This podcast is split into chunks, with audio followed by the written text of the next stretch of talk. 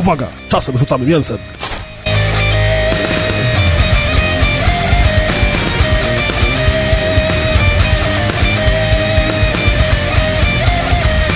Cześć czołem, witajcie w kolejnych grubych rozmowach. Ja nazywam się Grzegorz Wojewoda, czyli Pres Perez, a ze mną jest oczywiście Piotr Kuldanek, czyli Kuldan.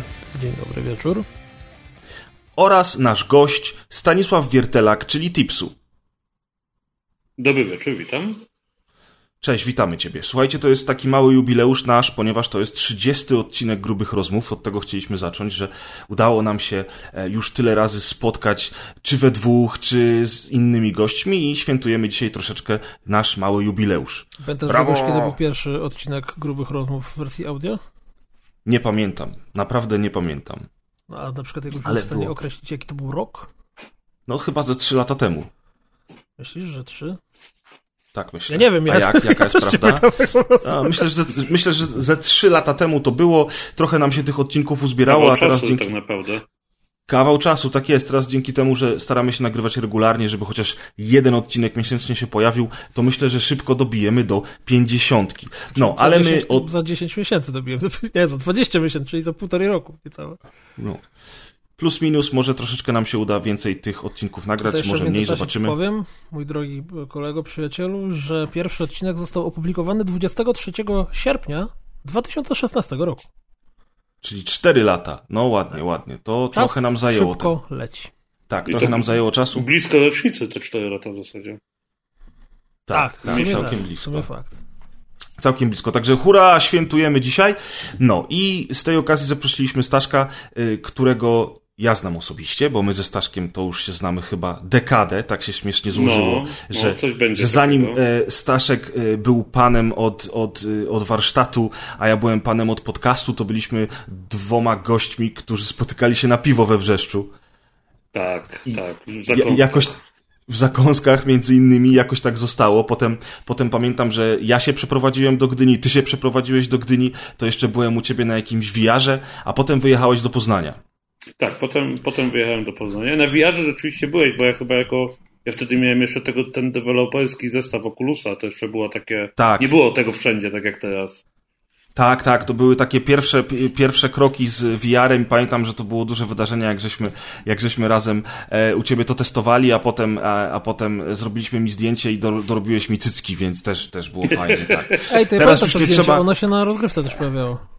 Tak, tak, tak. Ty miałeś Teraz... to w awatarze bardzo długo z tym okulusem na twarzy. Tak jest, tak jest. To właśnie było u Staszka. E, teraz już cycków nie trzeba mi dorabiać, mam swoje, lata lecą. E, I teraz tak, słuchajcie, też. te kilogramy też lecą i w ogóle ostatnio żeśmy się śmiali, że na przykład Deusz czy Jacek nie do końca pasowali do grubych rozmów, to, to ty Staszku pasujesz idealnie, bo jesteś wielkim, rosłym chłopem, postawnym mężczyzną, więc już nikt się nie przyczepi, że to nie są grube rozmowy, moi drodzy. I teraz nie, tak. To są, to są zdecydowanie grube rozmowy. nie mam w ogóle dyskusji. I teraz słuchajcie, kochani, y, na pewno część z was już Staszka po samym głosie, po nazwisku, po ksywie Tips poznaje. E, y, Staszek jest osobą mocno związaną z branżą e, i piszą o tobie, Staszku, tak w internecie, wyobraź sobie. Polak tworzy niezwykłe obudowy do komputera. Jego praca waży 300 kg. To jest, to jest, to, jest właśnie... To, to, jest, to, jest gruby temat, co nie? Dokładnie.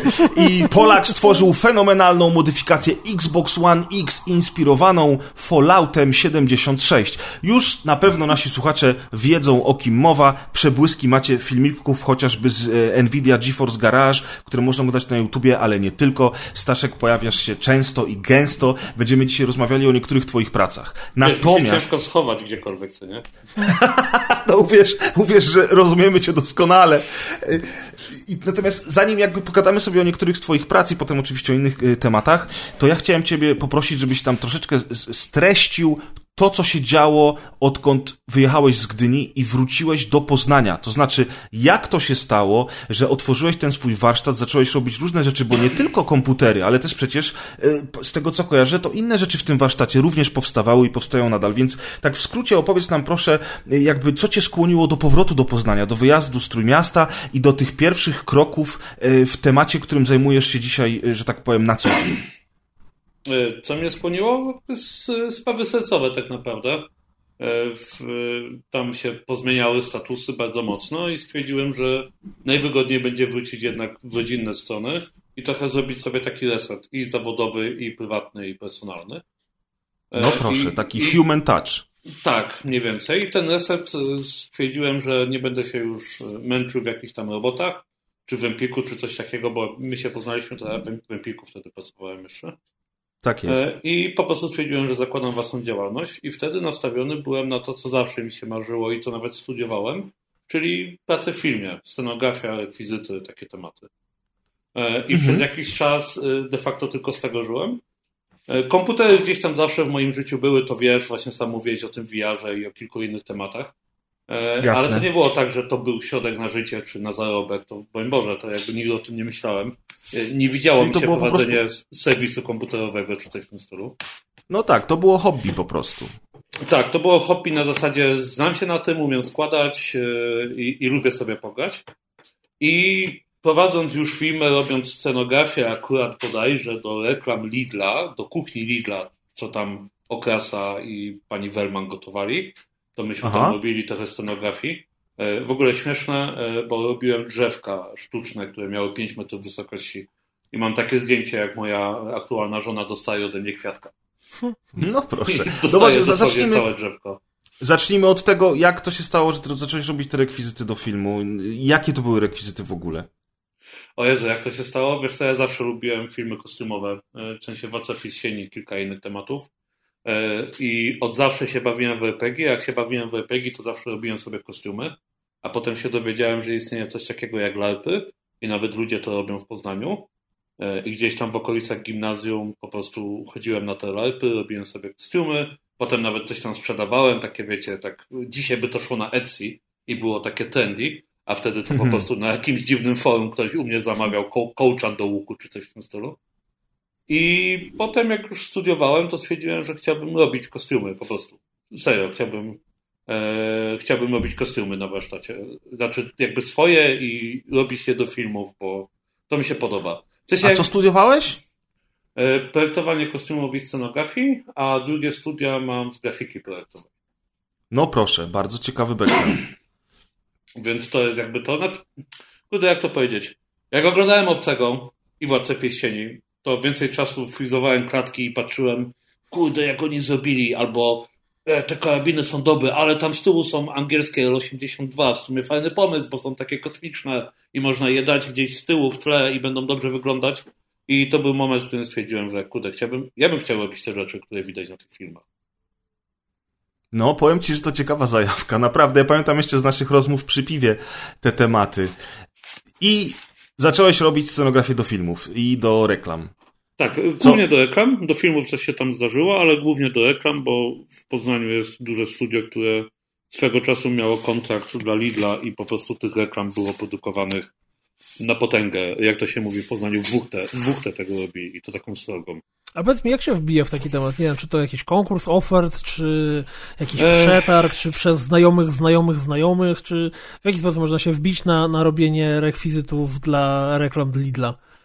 De facto znajomi znajomych znajomych. Okay. Tu jakby nie kojarzę, żeby była jakaś inna droga, bo w tej branży wszystko jest na asapie, wszystko jest na budżecie, który jest za mały niż powinien być i wszystko jest robione na, dosłownie na szybko, na kolanie. Tam rzadko na co jest porządny termin, a w takich sytuacjach nie masz czasu rozpatrywać mhm, ofert. Bierzesz oczywiście. człowieka, którego znasz, który wiesz, że ci to zrobi i tyle.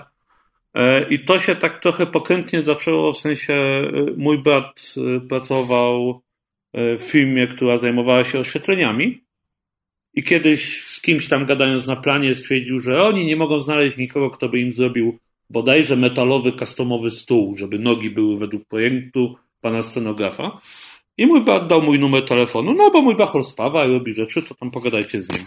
I potem się jakoś tak posypało, byłem na jednym planie zdjęciowym, poznałem kilka osób, potem oni już do mnie dzwonili. E, potem się trafiło tak, że nawet razem e, z, z, z Polą, z moją żoną, e, robiliśmy scenografię do filmu, którego część kręcili w Polsce, część za granicą w Stanach. Niestety nie poznałem, ale w tym filmie występuje Dany Trejo, więc jakby jestem w miarę ukontentowany. Bo możemy e... powiedzieć, że praktycznie się znacie.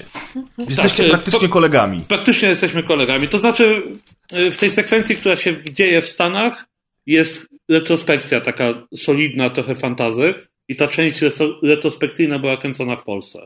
I film był w kooperacji polsko-amerykańskiej. W Polsce chyba nigdy nie trafił do żadnej dystrybucji. Y, osobiście, szczerze mówiąc, jako też nie widziałem, bo to był taki film, no, 10 lat temu to był film na VHS, który leży na półce gdzieś tam no w tak. A pamiętasz tytuł? E, tak, e, tytuł to jest Chronology. Okej, okay. trzeba będzie sprawdzić. I tam, o Jezu, tam praca na tym planie była ciekawa, bo to rzeczywiście byli Amerykanie. Oni używali tylko polskich film, ale y, y, dwójka reżyserów to byli ludzie, którzy gdzieś tam w Hollywood jakoś pracowali. I w ogóle strasznie fajni ludzie, bo się okazało, że też są fanami Star Treka i jeden z nich robił y, ten, scenografię, nie scenografię, tylko charakteryzację przy Star Treku, przy Deep Space Nine. Więc na drugi dzień pracy poleciałem do nich z kartami Star Trekowymi, żeby mi się podpisał. I, byli, i byliśmy kumplami na cały plan już. No, to eleganckie. To naprawdę eleganckie. Słuchaj, a y, powiedz mi jeszcze tak, y, zanim przejdziemy dalej, y, jak mówiłeś o tych larpach i robiłeś kołczany i nie tylko dla, dla znajomych i dla ludzi z forum, to powiedz, jak sobie wyobrażasz, gdybyśmy mieli teraz sesję larpową w Poznaniu, jakie stroje i w jakich postaciach widziałbyś mnie i Kuldana? O, o, o, o, o. jaki setting? No kurczę, Władca Pierścieni. A, czyli klasyk fantazy, tak? Tak jest. Ja tak. byłem tym typem, który siedzi w karczmie i gotuje. Ja właśnie chciałem powiedzieć, że to generalnie widział was jako dwóch hobbitów, co nie? Długie fajki, cały czas przy stole, dużo gadania. E, z czego Kurdan ubrany tak w miarę okej, okay, ale ty trochę prezes stronę Bilbo Bagginsa, w sensie trochę zbyt jaskrawe kolory, za długa fajka, wiesz. okej, okay. może być. Widzę nas jak siedzimy przy tej scenie, jak, jak Gandalf puszcza fajerwerki, to my tam siedzimy gdzieś właśnie z tyłu i e, Nie, tam druga krytyka wtedy idzie, co nie? Takie fajerwerki, kiedyś robili lepsze fajerwerki. Co to są te dzisiaj fajerwerki? Na bank za kolejne trzeba będzie dopłacić. DLC fajerwerków, bez sensu. Doskonałe, doskonałe. Doskonałe, tak jest. Tak to widzę. No, to zgadzam się na to. Jak będzie, będą kręcić kolejnego Władcy Pierścienia, kręcą i sobie jeszcze dzisiaj o tym pogadamy, oczywiście kręcą serial, to faktycznie jak będziesz tam e, pracował przy, przy tym filmie, to możesz nas wkręcić, chętnie zagramy tych dwóch hobbitów. E, no to, to mogę, się, mogę się pochwalić w tym temacie, że miałem rozmowę, co prawda zdalną i nic z tego nie wyszło dalej, ale miałem rozmowę z Weta Workshop e, na temat pracy u nich. A powiesz y, słuchaczom, czym jest to? Y, to jest największe, znaczy to nie jest największe, ale to jest najlepsze na świecie studio robiące efekty specjalne. Oni robili w zasadzie wszystko, co wam się podobało. Oni robili rzeczy do Avengersów, robili wszystkie ten, y, wszystkie Władce Pieścienie, robili do Awatara, w zasadzie każdy film, który ma epickie kostiumy, to jest Weta Workshop. Ale to, ale to w przypadku takiej pracy to relocation, nie? To chyba, chyba e, to tak, nie działa zdalnie. A, a, a, Australia, co nie? Aczkolwiek tutaj rozmowa polegała na tym, że oni studio w Europie otwierali. E, I po prostu szukali ludzi do pracy tu w Europie. No mówię, nie przeszedłem tam jakichś dalszych etapów rekrutacji, ale no przynajmniej jakieś tam zainteresowanie było, jakiś kontakt z tym, z tym był gdzieś tam. Ciekawe. No dobra, ale to teraz tak, bo, bo ja lubię zawsze chronologię bardzo, czyli jesteśmy na etapie, jak masz sobie swoją firmę, w której robisz rekwizyty do, do reklam mm, i, i udaje ci się to ogarniać mniej lub bardziej po jakichś tam znajomych, nieznajomych. Znaczy, domyślam się, że pewnie było tak, że jak już zacząłeś mieć jakąś renomę w branży, to to potem y, słowem y, nagle kolejne zlecenia się pojawiały, tak? Tak, tak. I w tej branży generalnie jest tak, że im więcej gdzieś tam się siedzi na planach i gada z ludźmi, tym częściej oni potem dzwonią, bo, bo o tobie pamiętają. Tam się, dużo się zmieniło w tej branży od kiedy Facebook stał się legitną formą komunikacji, bo jakby w tamtych czasach to było te tam, nie wiem, 4 lata temu. E, wtedy Facebook nie był do robienia biznesu, przynajmniej nie u mnie. A teraz e, robienie biznesu na Facebooku jest normą i to się zmieniło, bo są grupy. Jest grupa Y, praca w filmie Poznań i tam się dużo rzeczy załatwia. I tam co jakiś czas widzę, że ktoś, o szukam scenografa, który mi oganie to i tamto. Y, a wtedy było tak, że raczej to dzwonili bezpośrednio w stylu, ej, no bo ty robiłeś dobrze tamte rzeczy, to mamy taki temat, który może ci się spodobać. Czyli w sumie teraz konkurencja jest większa. Y, konkurencja jest większa i zdecydowanie jest większa i generalnie koronawirus sprawił, że w tej branży jest zastój. Mniej się tego produkuje. No tak, no bo plany stoją generalnie, nie? Tak, plany stoją, dużo kontentu jest y, recyklingowana. Y, jak spojrzycie na reklamy Lidla, to bardzo często widać, że to są ujęcia sprzed 3-4 lat. Na o, przykład. Ciekawe. Zwróćcie uwagę, tytuły gazet w reklamach albo coś takiego. To są stare ujęcia. To gdzieś ostatnio mi się rzuciło w oczy reklama, którą robiłem dokładnie 4 lata temu dla Lidla. Użyli dokładnie tej samej scenografii, tylko przefotoshopowali wieczko serka na no, no, nowy rodzaj opakowania. Nie? Ale użyli tych samych ujęć, tylko po prostu ktoś zrobił tracking i zmienili wieczko komputerowe. Niezłe, to ciekawe. Czyli potrzeba matką wynalazku tak naprawdę, tak jak zawsze. Dokładnie, więc, więc jakby wiem, że w tej branży jest trochę gorzej, ale ja jestem już jakby poza obiegiem w tej branży, zajmuję się już czym innym, więc nie do końca no właśnie, to, bo, co, to, bo... co wiem, jest stuprocentowe. No właśnie, bo powiedz jak to było, że, że jesteś, jesteś panem od rekwizytów, kręcisz się, po, kręcisz się po planach filmowych i nagle skąd ten, ten krok w stronę komputerów? E, to jest długa opowieść, ja nie wiem ile mamy czasu. No bardzo dobrze, bo to cię zaprosiliśmy, słuchajcie. Dobra, to to jest, to jest taka długa opowieść, to znaczy Gdzieś mi tam kiedyś świtało, a może to, co robię, by pokazywać na YouTubie, czy coś w tym stylu. Ale głównie chodziło mi to po głowie, dlatego że chciałem robić filmy. W sensie chciałem produkować filmy dla kogoś, ale na YouTube'a, bo wiedziałem, że YouTube będzie czymś jakby istotnym. Powoli się robił w Polsce czymś istotnym. E, I wtedy filmę prowadziłem razem z Kebabem. Prezes Kebaba chyba pamiętasz?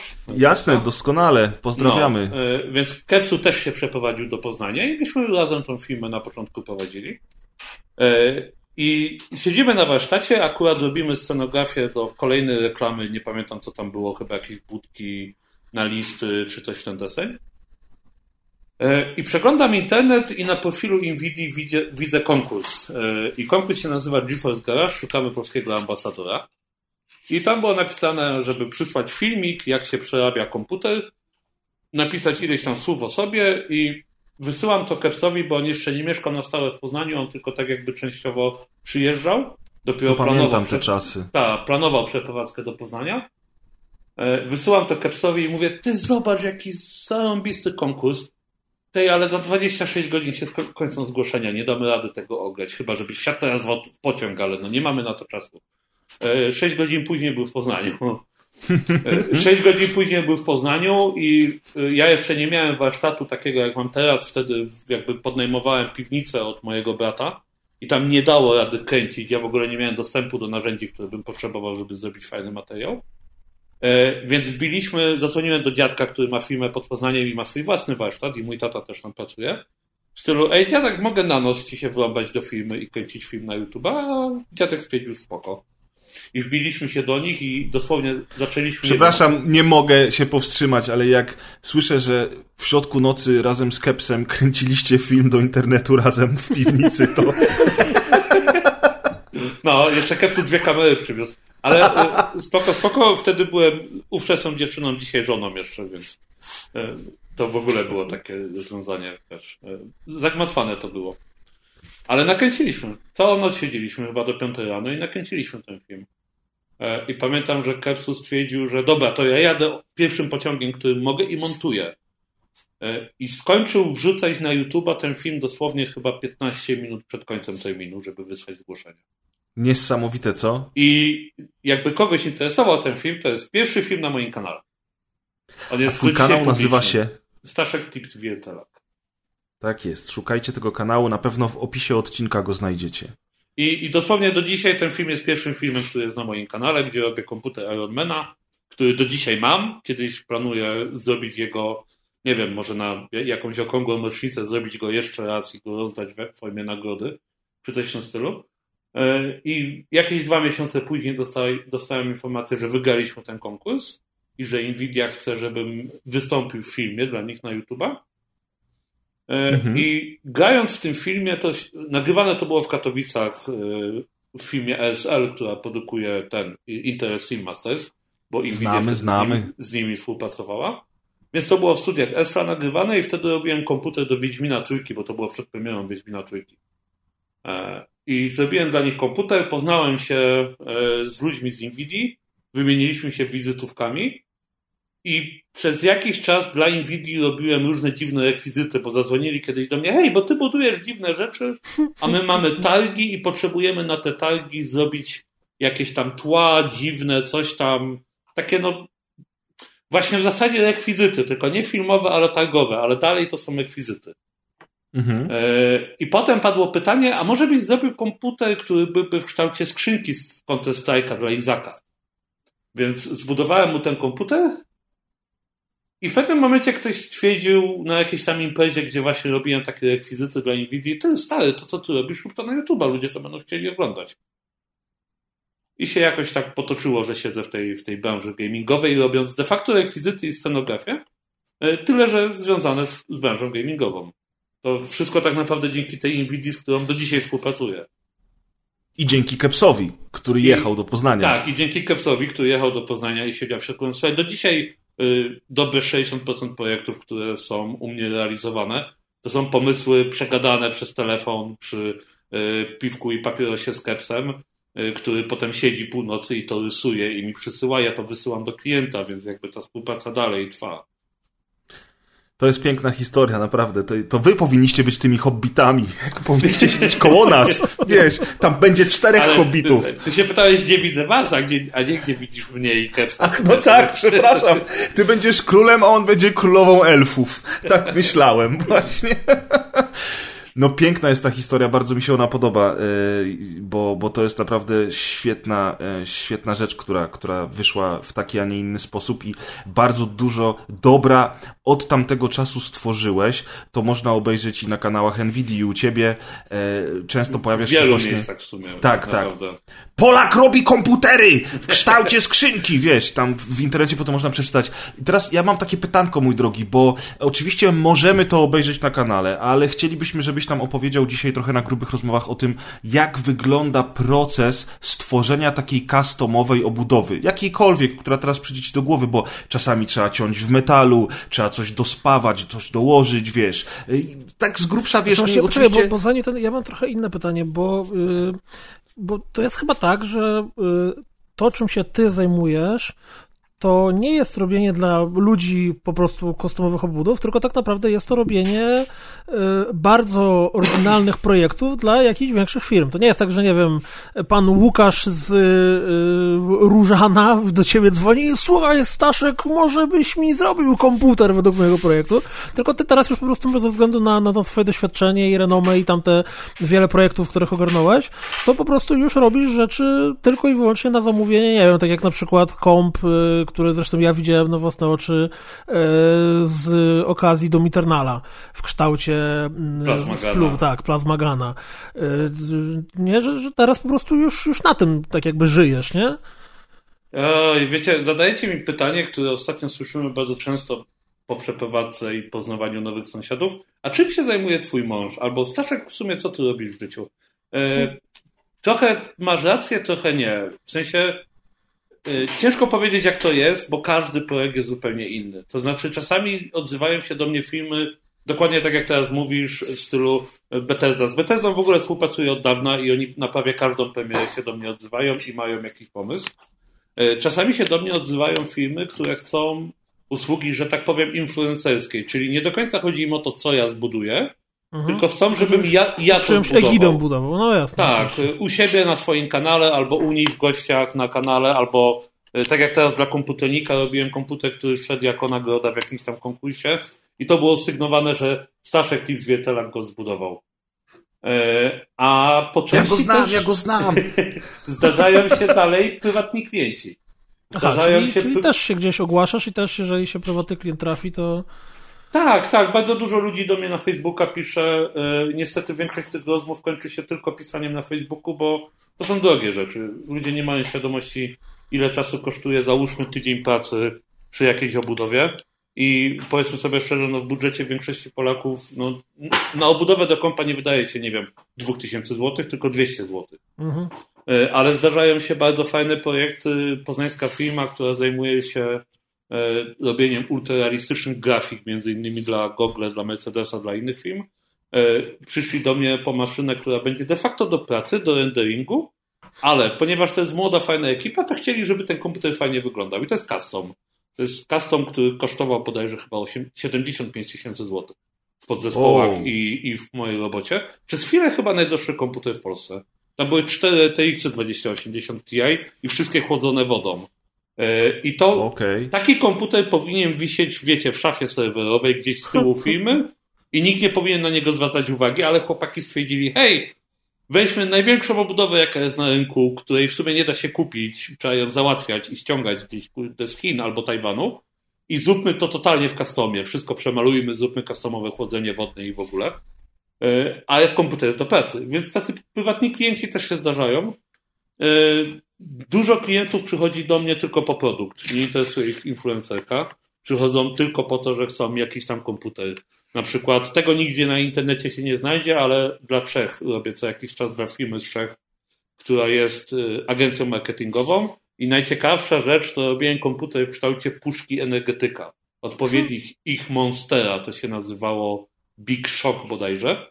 E, I to jakby nie ma nic w związku z influencerką, to jest tylko dlatego, że w zasadzie jako jedyny w Europie robię takie rzeczy e, i wystawiam na nie faktury, bo to, to jest często różnica. Że wielu, wielu ludzi jest hobbystów, którzy budują komputery bardzo fajne. Są, są lepsi moderzy w Polsce ode mnie, ale robią to hobbystycznie, nie robią tego zawodowo.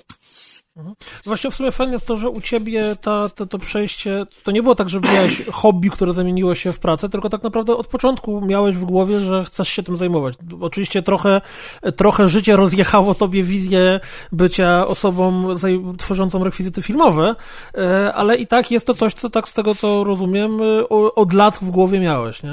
Znaczy, dopiero po, po jakimś czasie sobie zdałem sprawę z tego, że to nie chodzi o te rekwizyty.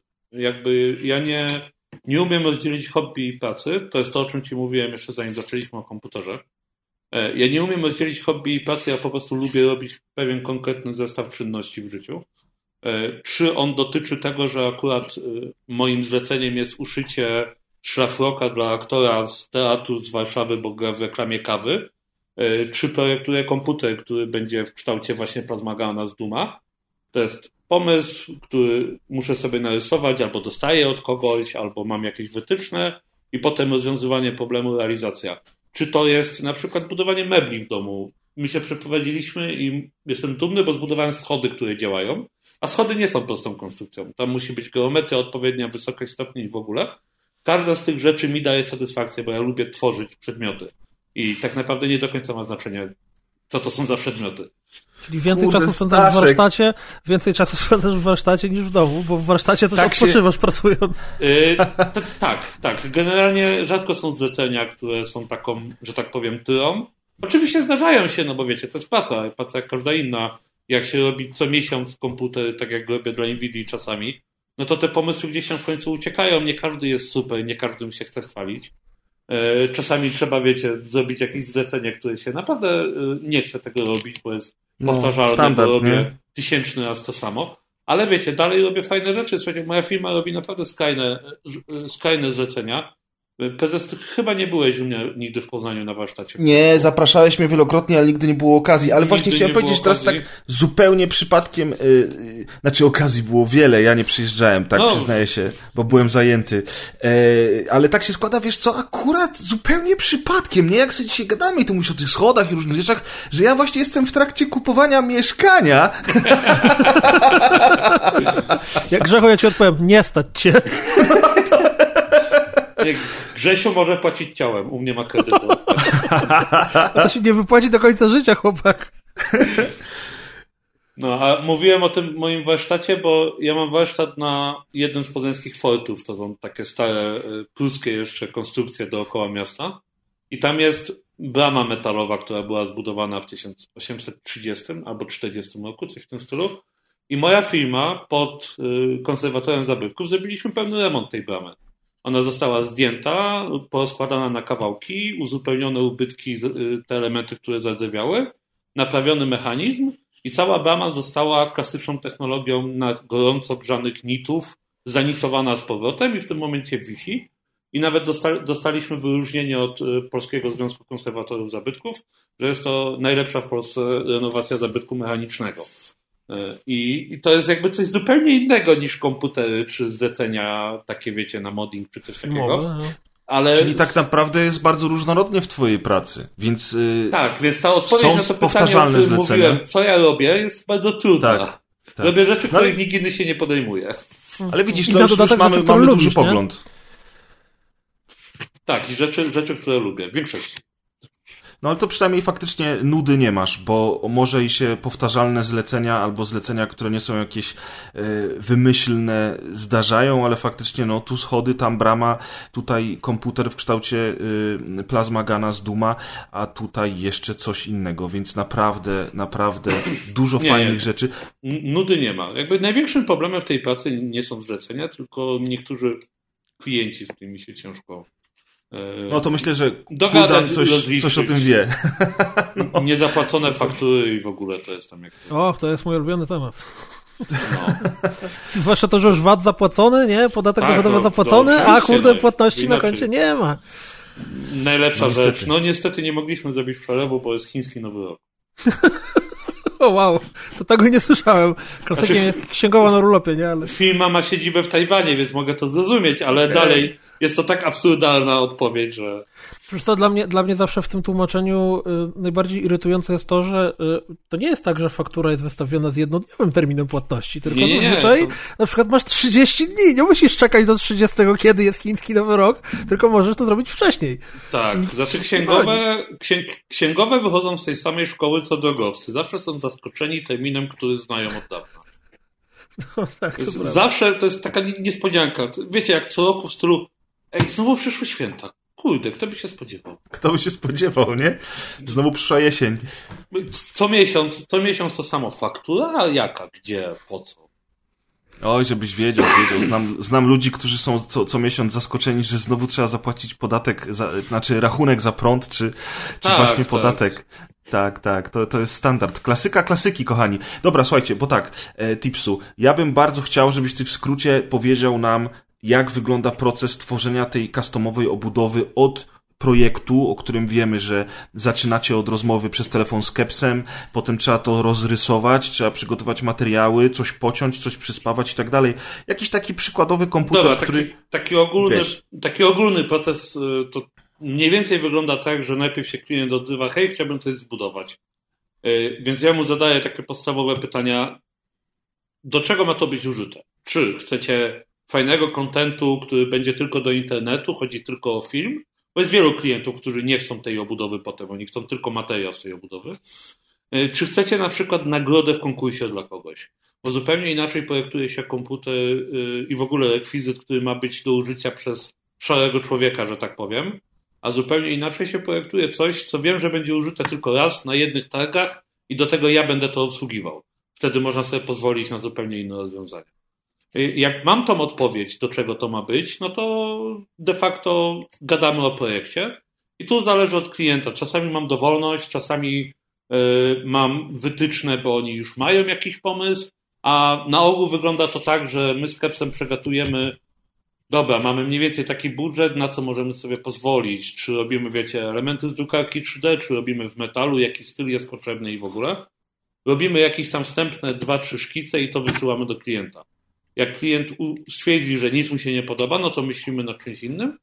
A jak coś mu się spodoba, to wtedy ja siadam do jakiegoś programu technicznego, do Fusion 360 albo Autodesk Inventor, albo po prostu AutoCADa i zaczynam przeprowadzać proces wymyślenia, jak to zbudować. I wtedy sobie odpowiadam na te pytania, dobra, jeżeli ma to być komputer w kształcie Plasmagana i wiem, że karta graficzna ma być z przodu, no to jak do niej doprowadzić zasilanie. Karta graficzna musi być przypięta w tym i w tym miejscu. To jak zrobić konstrukcję, która będzie ładna i będzie w klimacie i zapewni stabilność podzespołom. E, gdzie zrobić wentylatory, żeby chłodzenie było odpowiednie. W stylu, na przykład ja wiedziałem, że ten komputer będzie noszony przez kogoś, kto robi cosplay, więc dobra, to trzeba dół komputera zrobić tak, żeby można go było bezpiecznie chwycić, żeby się nie rozpadł. I te, na te wszystkie problemy staram sobie odpowiedzieć się, znaczy jakby określić sobie, jakie to będą takie problemy, wyzwania produkcyjne, robiąc projekt. I jak już mam projekt, który mi się podoba, no to teraz jest pytanie, czy ja produkuję wszystko, czy na przykład wysyłam do jakiejś firmy, która mi wycina na laserze elementy i dopiero potem będę je spawał, czy w ogóle nie używamy stali, bo jest to, nie wiem, komputer z Fortnite'a, który będzie w drewnianej skrzynce, gdzie po prostu wsadzimy gotową obudowę. E, I jak już wiem, co chcę zrobić, jak już mam skompletowane wszystkie materiały, no to wtedy zaczynam produkcję. Jak to są takie standardowe obudowy, które ja robię, to pierwsze co, to rozbieram tą obudowę, którą przerabiam na części pierwsze i zaczynam modyfikację. Albo przemalowuję, albo dospawam jakieś elementy, albo coś trzeba uciąć, albo coś trzeba rozwiecić, dołożyć inny panel, zdjąć panel. To już ciężko powiedzieć, bo tu każdy projekt jakby przebiega trochę inaczej. E, jest ale, inny, no. Tak, każdy, każdy ten proces jest troszkę inny, ale każdy w zasadzie polega na tym, że układam sobie to, co chcę mieć w danym miejscu, czyli płytę główną, kartę graficzną, wszystkie inne elementy i wokół tego staram się zbudować tą, tą konstrukcję, która jest, jakby, którą mam w głowie. Czy to się uda zmieścić, czy nie, to już różnie bywa, bo nie wszystko, co się zaprojektuje sobie w kadzie, potem się sprawdza w życiu, że e, dobra, to będzie dokładnie tak. Potem się okazuje, że kurde, nie pomyślałem o kabelku do wentylatora, który musi przejść i na przykład hmm. jest za mała szczelina, więc albo muszę coś wyciąć, nawiecić, przesunąć, zmodyfikować. Zawsze jakieś takie problemy wychodzą potem w pani. A powiedz mi, y, jak jest komputer, który ma posłużyć tylko i wyłącznie do eventu, na przykład do influencerki, kiedy ty go promujesz, albo kiedy ma go nosić jakaś cosplayerka i on będzie użyty przez na przykład 24 godziny, a potem wyląduje gdzieś w magazynie, już nikt nigdy go więcej nie uruchomi, to chyba funkcjonalność, grzanie tego komputera, to jak są elementy poukładane w środku, nie gra już takiej dużej roli, jak w przypadku pro, pro, projektu dla klienta, który będzie tego komputera używał. Jak to e, jest? Na ogół nie, Aczkolwiek, jeżeli taki projekt jest z założenia rekwizytem, tak jak Plasmagun, e, czy na przykład ten komputer w kształcie głowy Optimusa Prima, który zbudowałem dla polskiej firmy Optimus, mhm. to wtedy te rzeczy nie mają znaczenia. To się w zasadzie na to nie patrzy. On ma być, ma działać. Ale jak robimy content, który jest tylko pokazowy, w sensie ten komputer nie idzie do klienta, ale na przykład Nvidia chce się nim pochwalić na swoim profilu, to to jest publika, która jest bardzo krytyczna. Jeżeli będą złe podzespoły niedopasowane do karty graficznej, zrobi się wrzawa w komentarzach. Jeżeli karta graficzna będzie zamontowana w sposób, który może sugerować, że się będzie przegrzewać, będą znowu w komentarzach ludzie to zaznaczą. Więc to na ogół to ma i tak znaczenie. Nieważne co się buduje, trzeba to brać pod uwagę. Głównie znaczy, dlatego, ty że... tak naprawdę łączysz w swojej pracy trzy skille.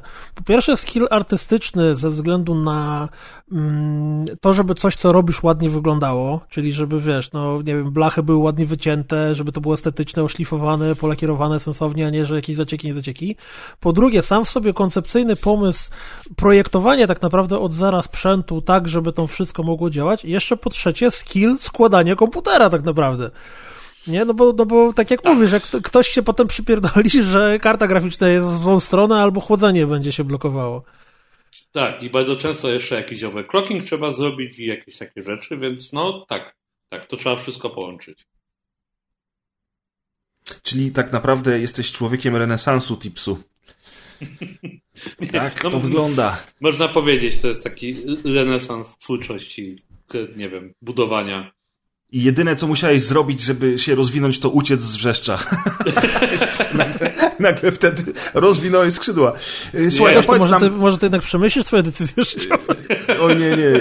Jestem pewien, jestem pewien tego, co chcę zrobić. Y, no, w każdym razie i też jestem pewien, y, że na pewno masz, e, Tipsu, jakiś jeden ulubiony komputer, który zrobiłeś i który najbardziej wspominasz. I oczywiście bez większych szczegółów, ale, ale w dużym skrócie opowiedz nam, jaka to była obudowa? Czy komputer, czy konsola, czy, czy cokolwiek innego, które sprawiło ci największą frajdę albo które najlepiej wspominasz? Wiesz, jestem najbardziej dumny z.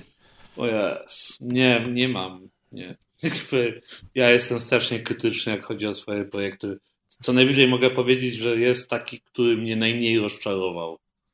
Okej, okay, to który cię najmniej rozczarował w takim razie?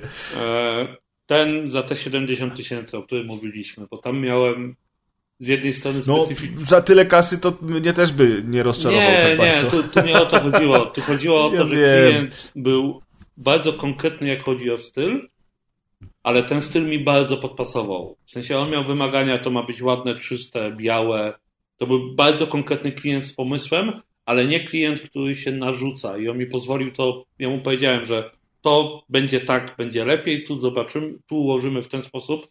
I jakby tam była bardzo fajna współpraca z klientem, że to powstało tak, jak ja to w głowie sobie widziałem. Bo niestety to są rzeczy dla firm, które często muszą przejść akcepty 50 stołków w różnych częściach świata i bardzo często muszę coś zmienić, co potem mi się nie podoba osobiście. No to słuchaj, teraz wypadałoby, idąc dalej, zadać pytanie, to jak wygląda twój domowy komputer? Eee, oj, no to moim domowym komputerem na ogół jest ten projekt, który aktualnie był skończony i nie musi być gdzieś wysłany. Rzadko mam na stałe do, komputer jeden konkretny, a teraz w ogóle nie mam komputera, bo przeprowadziliśmy się już na swoje, jakby w nowe miejsce i moim założeniem jest nie posiadać komputera w domu poza e, jednym laptopem, aktualnie MacBookiem. Chciałem powiedzieć, że szewc bez butów chodzi, ale ty mówisz, że takie jest założenie. Dlaczego? Bo nie potrafię korzystać z komputera i nie pracować.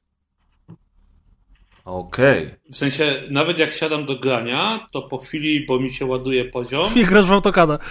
Y, no, siadam do roboty, albo to sobie coś narysuję, sobie coś zaprojektuję i po prostu marnuję czas przed kompem, a nie chcę tego. Chcę spędzać czas trochę bardziej w domu. Do grania mam konsolę, na której się tylko gra a jak muszę popracować i jest to odpisanie maila, czy nie wiem, zrobienie prostej poprawki, to robię to na MacBooku. To nie jest super wygodne, ale da się to robić i jakby z założenia nie chcę mieć komputera w domu. Okej, okay, czyli, czyli taki, masz, taki masz zamysł. No to jest całkiem niezły zamysł. Ja bardzo często się e, kłócę z ludźmi, którzy mówią, że nie chcą pracować i grać na jednym sprzęcie, bo, bo y, praca na komputerze po 8 godzinach powoduje, że jeżeli na tym samym sprzęcie mieliby zagrać w jakąś grę, to, to im się będzie cały czas kojarzyć z pracą. Ja absolutnie tego nie rozumiałem nigdy, nie, ja, bo, tego ja tak nie mam. też nie łapię. Znaczy, wiesz co, no, ja się... Ale ja u ciebie to jest co innego, nie? U mnie to wychodzi raczej z tego, że zauważyłem, że y, po prostu manuję czas przy kąpie, bo ani nie pracuję skutecznie, bo siedzę w domu, więc coś tam z kimś pogadam, pójdę, nie wiem, wstawić pranie, czy nie wiem, dzisiaj upiekłem bułki, jakieś takie rzeczy. Więc ta praca i tak nie jest w 100% efektywna, y, a też nie odstresowuję się, bo zawsze gdzieś tam mam tego maila, wiem, że mógłbym zamiast wychillować przy kąpie i sobie grać w jakąś tam gierkę, e, to widzę gdzieś z boku, że jest home i tam jest praca i powinienem ją robić. To jest niestety Czyli... trochę też problem pracy na, wiecie, w własnej filmie. Zawsze jestem w pracy. To nie jest tak, że wychodzę z pracy. Wiesz co, wiesz co mi pomogło? Bo ja stuprocentowo doskonale wiem, co, co, co mówisz i dlatego ja zawsze powtarzam, że nie byłbym w stanie w ogóle pracować w domu. Nie, nie istniałoby dla mnie pojęcie home office'u, więc ja dla swojego własnego zdrowia psychicznego mam biuro, do którego idę i w momencie, w którym wychodzę z tego biura, to faktycznie, okej, okay, jasne, w głowie sobie tam z tyłu myśli, że dobra, to jutro muszę zrobić to, tamto, siamto, tam, tam pojadę do klienta, to, to, to wiesz, w, w głowie sobie może i plany układasz, ale założenie jest takie, że jak wychodzę z biura, wychodzę z pracy, to faktycznie wyszedłem z pracy. Zaraz w, w domu nie siadam do lapka i nie zaczynam liczyć jakieś lusarki, czy, czy wiesz, odpisywać na maile.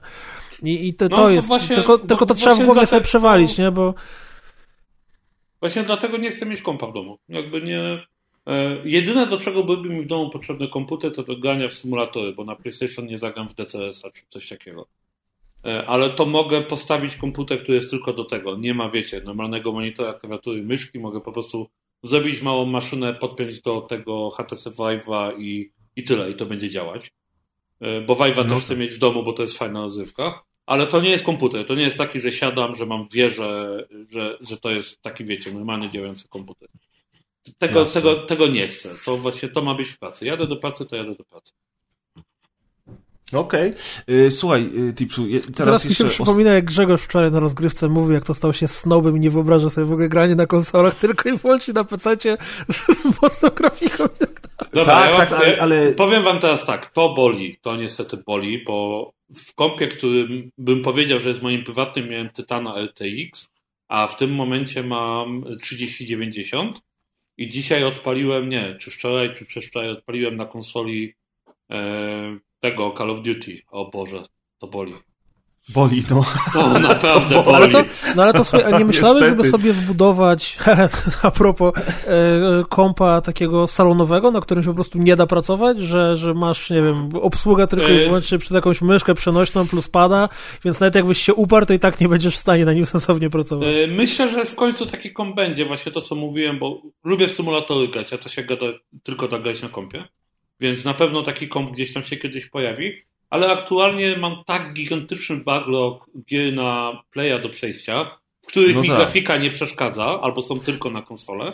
Zwłaszcza, że, że te eksy są piękne, no nie ma co ukrywać, tak, że te no, eksy no, od Sony ja, naprawdę ja, są ładne. Ja teraz jestem jakby zauroczony, bo kupiłem sobie fajny, nowy, duży telewizor, wiecie, nowy dom e, i odpaliłem sobie Shadow of Colossus, która jest grą, według mnie jedną z najpiękniej wyglądających na PlayStation 2. E, mhm. I odpaliłem sobie remastera na czwórce, na czwórce, który jest spoko, nie, nie mhm. powala na kolana, ale plastyka tej gry, jej scenariusz, jej opowieść, ja tą grę uwielbiam. Jakby przeżywam ją na nowo, a mam gigantyczny backlog gier do przegrania. Ja nigdy nie zagrałem jeszcze w ten e, Ghost of Tsushima w ogóle. Nie skończyłem Red Dead Redemption. To na, dużym, na dużym telewizorze, jak odpalisz Ghost of Tsushima, to huh. No Spoko, właśnie. Naprawdę fajny tytuł. Właśnie bardzo dlatego ładny. na razie mi się nie pali. E, żeby no, mieć kompa, tym, no jasne. Dokładnie, nie pali mi się, żeby mieć kompa, a poza tym za chwilę córka się pojawi w domu, więc będzie małe dziecko i też myślę, że konsola no, jest jednak mimo wszystko wygodniejsza, bo się na chwilę odpala i tyle. A, czyli, a czasami czyli... dam, dam żonie pada i się pośmieje, jak próbuję Fall Guys coś zrobić. czyli do CV będziesz mógł sobie nową funkcję wpisać, bycie tatusiem, gratulujemy. Tak. tak. Ja, chciałem jeszcze, ja chciałem jeszcze tylko powiedzieć a propos właśnie tych komputerów i pracy, że w przeciwieństwie do was mm, ja mam y, ten komfort, że pracując dla korporacji, posiadając laptopa służbowego, ja w momencie, w którym zdecyduję, że skończyłem pracować na dzisiaj, zamykam tego laptopa. E, czy jestem w biurze, czy teraz jak jest COVID, to praktycznie jestem non-stop w domu. Natomiast to jest mój komputer do pracy i on ląduje w torbie.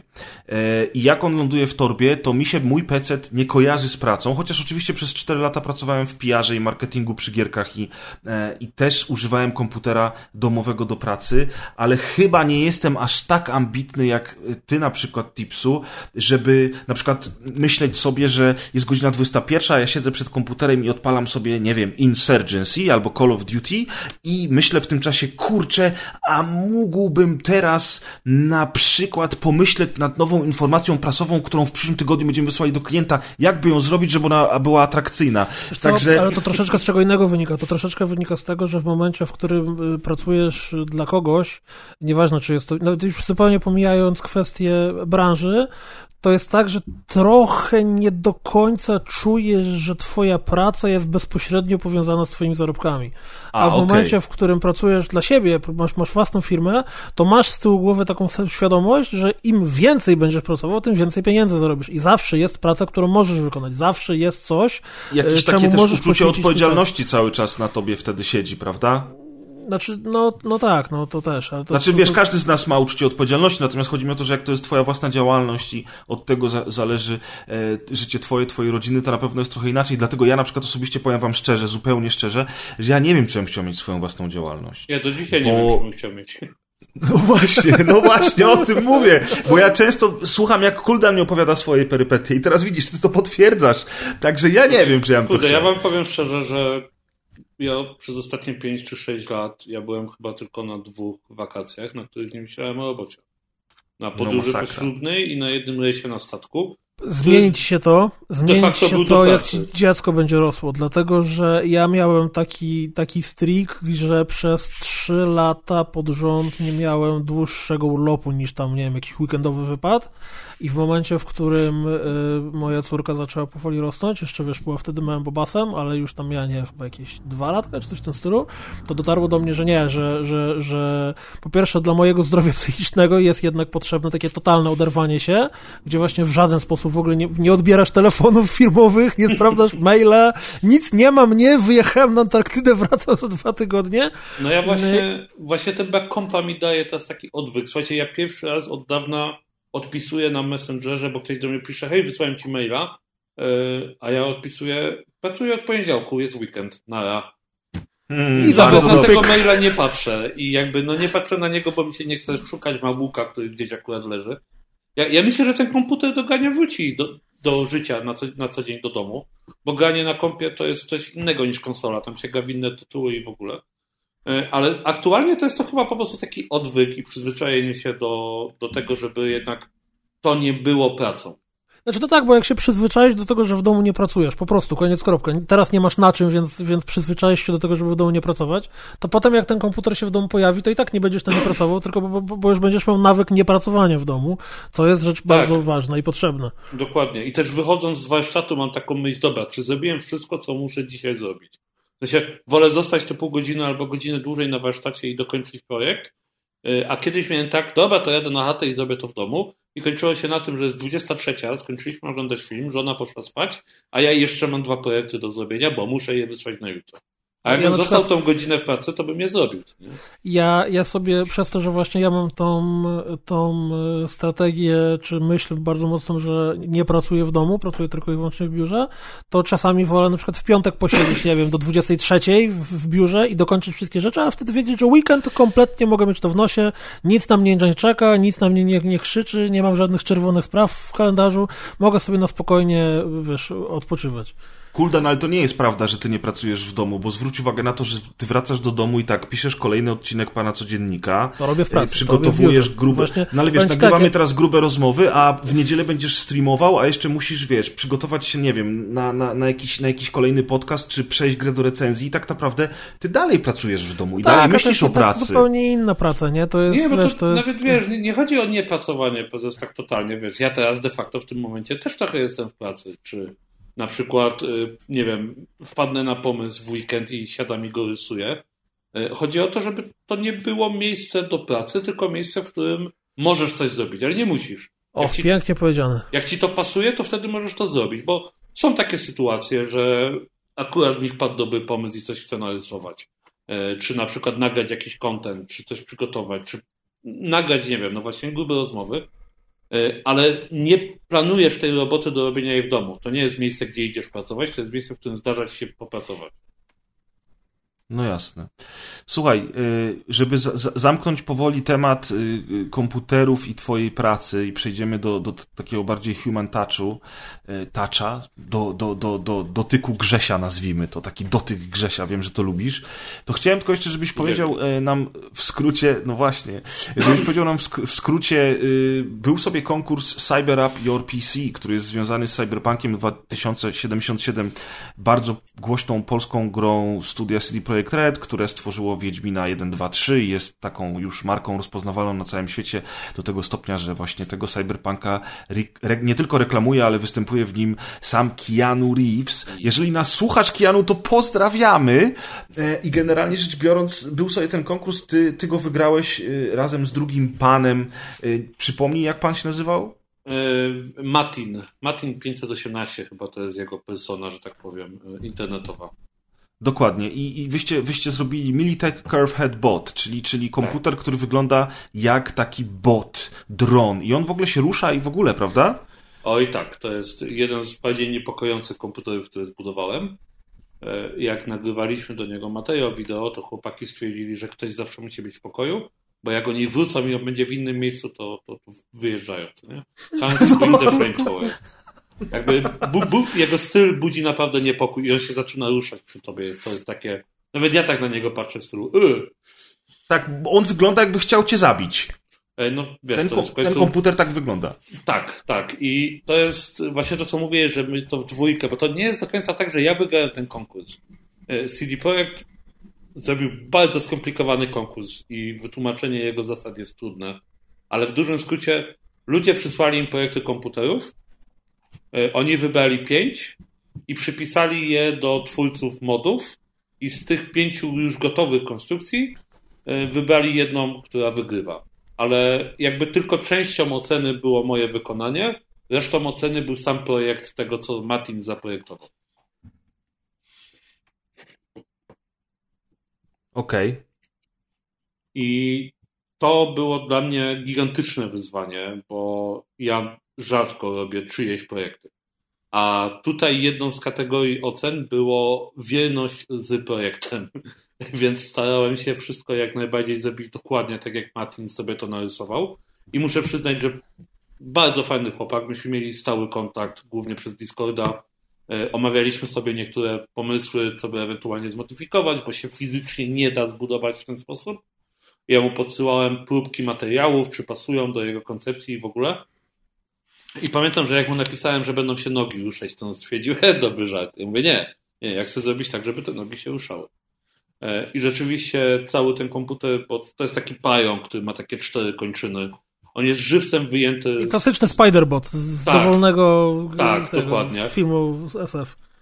On jest w ogóle wyjęty z pierwszego gameplayu Cyberpunka. Tam jest taki moment, że ty jako postać idziesz od gangu Maelstrom kupić bota w skrzyni i się zaczyna dyskusja z tymi członkami gangu. To właśnie idziesz kupić tego bota. On jest jakby zaprojektowany na podstawie tej maszyny z gry.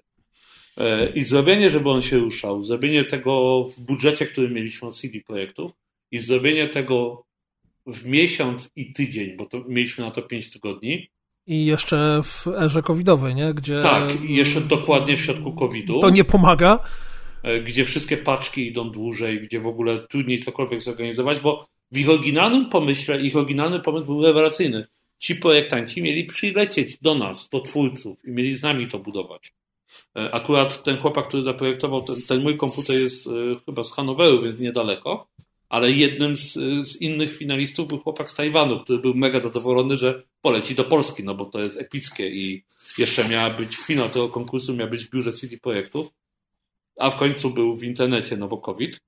E, ale no tak. to, to było wyzwanie. To było wyzwanie na tyle, że jak się kończył termin i mieliśmy nagrać wideo do 12 w nocy i go wysłać, to o 17 tego dnia ja pierwszy raz uruchomiłem wszystkie kończyny, żeby sprawdzić, czy działają. Y, hmm. 7 godzin przed końcem deadline'u. Tak.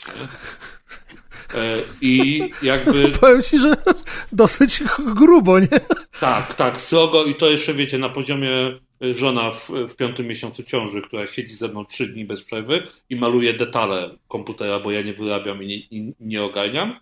Albo mój tata, który już ma swoje lata, jakby na to nie patrzeć, y, który siedzi ze mną trzy noce pod rząd i lutujemy kabelki i programujemy serwo, serwa, żeby komputer się ruszał.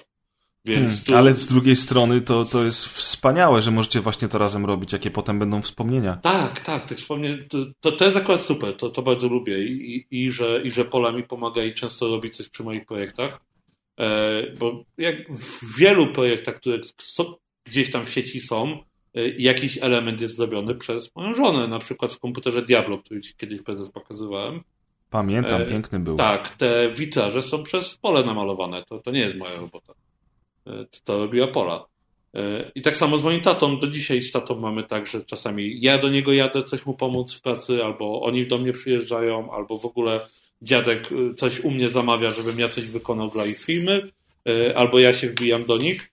I najlepsze jest to, że my mamy takie współzawodnictwo, kto ma fajniejsze narzędzia na swoim warsztacie. takie, wiecie, zabawki dla dużych chłopców. No, bo ja kupiłem nową takarkę, a ja kupiłem nową kamerę termofizyjną. A nie wiem, czy widziałeś, ja mam takie kobaltowe wiertła nowe. Ja pamiętam, jak dziadek się troszkę nie, nie tyle obraził, co stwierdził, że chyba zaczyna przegrywać, bo jest w Poznaniu taka firma, która sprzedaje śrubki. Ja wiem, że to brzmi mało emocjonująco, ale uwierzcie mi, ja tam wchodzę jak dziecko, po prostu jestem zachwycony. To są wszystkie możliwe śrubki świata i oni mnie już tak lubią, że mnie wpuszczają na magazyn na zaplecze, bo ja często przychodzę z racji tego, że mam takie dziwne projekty, na zasadzie, panowie, potrzebuję, ja nie wiem, co potrzebuję, pokażcie mi magazyn, bo ja muszę to zobaczyć. Jak to zobaczę, to będę wiedział. I słuchajcie, dostałem od nich papierowy katalog. W dobie internetu to jest jak książka telefoniczna. To jest książka, która ma 1200... Zwłaszcza śrubek, które przecież tak, mają milion modeli. Tak. To jest książka, która ma 1200 stron i de facto są tam tylko śrubki, nakrętki, wkręty, kołki, różne takie rzeczy. W każdym możliwym rozmiarze, w każdym możliwym materiale, w każdym możliwym rodzaju gwintu. Wszystko, co potrzebujesz. A dziadka firma jeszcze nie dostała papierowego katalogu. Piękne. Oj, to dziadek się wkurzył. A powiem wam, że mimo, że ten katalog jest dostępny w internecie, jest dostępny w aplikacji, to nie jest to. Czasami jest tak, że patrzę na maszynę i mówię, kurde, jakby to przykręcić? I biorę tą księgę, która waży chyba ze 4 kilo. E,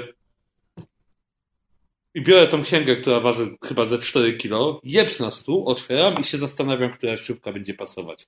I ten kontakt z tym papierem, nie wiem, mi to jakoś prościej mi się przegląda ten katalog niż internetowy. Bo w internetowym w musisz wiedzieć, gdzie spojrzeć. Musisz być sfokusowany, chcę zobaczyć te śrubki. Nie jest tak, że przekalkujesz i o, tam ma dziwny kształt. Tak, tak, no. I to jest dużo wygodniejsze tak naprawdę, jak się nad tym zastanowić. Jak, jak kartkujesz sobie ten, yy, ten, ten tom, to tomiszcze 1200 stron, niż przeklikujesz się przez 756 stron y, katalogu, na którym na każdej ze stron jest po 6 rodzajów śrubek i tam klikasz i, I akurat jedna kartka się nie chce wczytać ty się, po coś Ty się tak. Grzegorz trochę śmiejesz, ale ja mam... Ja się nie śmieję, mówię poważnie zupełnie. systemowe też w wersji, jedno, jedna szafa jest katalogów systemowych i często ale... to wygodniej mi jest właśnie sobie spojrzeć coś y, w, w katalogu niż w PDF-ie szukać. Ale oczywiście te same katalogi też są w PDF-ie, nie? Ja, ja do dzisiaj mam notatnik, y, jeszcze, jeszcze z czasów, kiedy pracowałem jako dziennikarz, noszę za każdym razem są notatnik czy kalendarz papierowy z długopisem, w którym notuję sobie wszystkie daty i mi jest o wiele lepiej spojrzeć, co ja mam do zrobienia w tym tygodniu i prze, przewertować te 3-4 kartki, na których mam zapisane dni, um, umówione spotkania i zlecenia, które mam wykonać, niż nawet komórkę otworzyć i ten sam kalendarz w komórce przeglądać gdzie tam dzień po dniu muszę przełączyć i tak dalej, i tak dalej. Wiecie o co chodzi. Naprawdę, ja, no ja, ja też, mam, jestem bardzo analogowy ja w, pod tym względem. papierowej, na znaczy, ja wam powiem tak, że do dzisiaj, jak robię te takie moje dziwne projekty, to są takie sytuacje, że jadę do Castoramy. Nie wiem po co. Po prostu wiem, że chcę coś zbudować i szukam w Castoramie czegoś, co mi się akurat nada. szukasz. No. no. Ostatnio na przykład trafiłem na rozdzielacz do rynny, który idealnie nadaje się na gogle sci-fiowe, takie w stylu właśnie cyberpunkowym i będą użyte w jednym projekcie.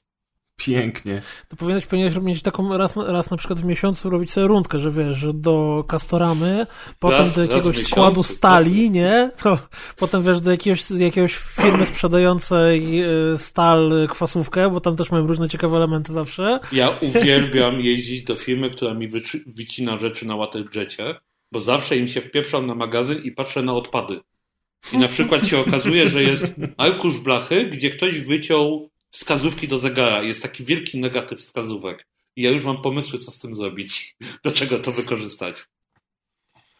Dobre. Pięknie. Dobre. Słuchaj, to teraz tak. E, Przechodzimy do Human Touch trochę bardziej, chociaż w Twoich opowieściach jest tyle Human Touch i konkurencja z dziadkiem jest po prostu piękna. Katalog śrubek. Katalog śrubek to jest bardzo, bardzo dobra historia, ale y, ostatnio pochwaliłeś mi się, że nie jesz już mięsa. E, teraz sam powiedziałeś dzisiaj na, na nagraniu, że piekłeś ostatnio chyba wczoraj czy dzisiaj bułki, dzisiaj, tak? Dzisiaj, bułki, tak? dzisiaj piekłeś bułki. No i tutaj idealnie no to pięknie, idealnie właśnie w tym momencie tutaj y, korespondujesz z Kuldanem, który, który Właśnie, razem z słyszałeś, Staszku, dzisiejszy news dnia? Teraz jak tego słuchacie, to już jest kilka dni po tym, ale właśnie w temacie niejedzenia mięsa. Że kabanosy? Tak, że Tarczyński, no czyli, Tarczyński, czyli y, bardzo duża polska firma produkująca jakieś tam kabanosy, przekąski mięsne i tak dalej, y, wchodzi na rynek z produktem yy, roślinnych kabanosów. Bez mięsa kabanosy, ja się cieszę. Tak. Bardzo dobrze. I to bardzo jest dobrze. tak, dla mnie to jest bardzo duży big deal, bo bardzo duży big deal, brawo ja. To jest big deal, dlatego że jeżeli mamy firmę, która faktycznie była firmą stricte mięsną, mięsną i w, y, wydawałoby się tak konserwatywnej branży jednak wchodzi otwarcie w y, produkt roślinny, no to to pokazuje, że, że zdecydowanie widać jakąś zmianę. To nie jest pierwsza firma, która głównie produkuje mięso, która wchodzi w produkt roślinny, ale chyba pierwsza duża taka stricte rzeźnicza. Bo było kilka mhm, firm, mhm. które produkowały te gotowe obiady w stylu klopsy w słoiku. tak, coś. i dodali po prostu coś wege. Czy na przykład takie, nie wiem, masz tak. kanapki w żabce, które nagle też się pojawiły w końcu wege. się pojawiły w żabce Czy w fast foodach masz teraz, nie wiem, w KFC możesz sobie kupić yy, z serem halloumi e, zamiast e, tak, z kurczakiem. nie wiem, czy jest w tym mieście Max Premium Burgers. E, oni mają w ogóle całe menu wege, chyba z 10 różnych kanapek na stałe w ofercie. Y, I do McDonalda wchodzą kanapki bezmięsne, też się pojawiają. W żabkach są bezmięsne hot dogi. Pierwszy Olem wprowadził bezmięsne hot dogi swoją drogą w Polsce. Y, Max Premium Burgers jest w Gdańsku jednak, widzisz, będę musiał to sprawdzić. W Gdyni polecam, bo te bezmięsne kanapki są bardzo interesujące. Większość Natomiast... moich znajomych mówi, że lepsze od mięsa. No proszę. Dlaczego ty zrobiłeś Gdy nie jest... full wege, czy... Ty... Znaczy, ja mam, wega... mam wegańskie zapędy, żeby nie jeść mleka, jajek i w ogóle, ale to są tylko zapędy, bo za bardzo kocham jedzenie, żeby odcinać sobie tyle smaków. Czy ja bym sobie nie był w stanie odciąć... O tyle z mięsem jest taka masa zamienników, że to nie jest problem w ogóle, znaczy właśnie, żeby nie było ja nie jestem full vega, ja y, po prostu założyłem sobie dla y, wellness światowego i tak dalej, że ograniczam ilość mięsa i na przykład w tygodniu w ogóle nie wiem. Ja zacząłem od takiego podejścia, teraz już w ogóle nie wiem. Ale co chciałem powiedzieć, że o tyle z mięsem to nie ma żadnego problemu, bo jest po prostu masa super zamienników, które czasem są nawet smaczniejsze od mięsa, zwłaszcza jak sobie pomyślisz o tym, co może być w mięsie, które kosztuje 3 zł za kilogram Biedronce, nie? Co to są za kurczaki, które Staram się nie myśleć o tym, wiesz? Natomiast y, ja miałbym ogromny problem z nabiałem. Nie potrafię sobie wyobrazić porzucenia w ogóle serów na przykład. Ja, ja wiem, mam, że teraz też ja coraz problem, więcej serów się pojawia, nie? Ja mam problem z nabiałem o tyle, że jak porzuciłem nabiał i było takie chyba pół roku, gdzie bardzo, bardzo restrykcyjnie byłem tylko wegan, czyli nie jadłem żadnych produktów zwierzęcych, to się lepiej czułem. Lepiej się wysypiałem, miałem mniejsze problemy z żołądkiem i w ogóle, e, ale to jest taka rzesza smaków, które giną, a ja lubię jedzenie z żoną, lubimy gotować, lubimy odkrywać smaki, że to jest trudne, żeby się pozbyć na biało. A propos tych bezmięsnych rzeczy i tego składu tych parówek za 3 zł, e, to pamiętajmy, i to wielu ludzi o tym zapomina, wege nie oznacza zdrowe. Bardzo wiele wege przekąsek ma fatalne składy. I ja jestem ciekawy, jaki będą miały skład te właśnie kabanosy. Bo jak będą miały taki skład jak mięso produkowane przez niektóre mięsne firmy, to myślę, że się niespecjalnie przyjmą wśród wege ludzi. No tak. No, no, tak, wystarczy spojrzeć na te działy wege, które są teraz w Biedronkach i w Lidlach i tam są różne alternatywy dla mięsa i czasami to jest, no, tak, jak się spojrzy na ten skład, tak jest, na ten znaczy, skład i na tę ja, cenę. Ja wam powiem tak, to... że wege, wege to jest jedna rzecz i my się bardzo staramy patrzeć na to, co jemy w ogóle, niezależnie czy wege, czy nie wege. E, po prostu patrzeć na jakość produktów i jesteśmy tak czasami zaskoczeni w stylu najlepsze naczosy, jakie można kupić w Polsce, to są Lidlowe naczosy. Zwykłe, solone, bez smaku. Ich skład to są trzy składniki. To jest kukurydza, olej, sól. Nic więcej. Po prostu. To jest porządny produkt. Po czym się patrzy na jakieś ekoprodukty albo właśnie wege produkty i masz tablicę Mendelejewa, co nie? Mhm. Jak się, są takie grupy na Facebooku, które się nazywa Co jedzą polscy weganie. E, tak. I, e, ona mnie zawsze bawi. Jak trzy czwarte wrzutek na tą grupę, to są właśnie, wiesz, na przykład, o, dzisiaj cztery czekolady, bo znalazłem w Biedronce coś tam, nie? Tak, nie? Wow, okej. Okay. Spoko. A swoją drogą to odnośnie wega, to właśnie dzisiaj do mnie dotarły w ramach urodzinowego prezentu, który sam sobie zrobiłem, e, dwie książki od pani Jadłonomi.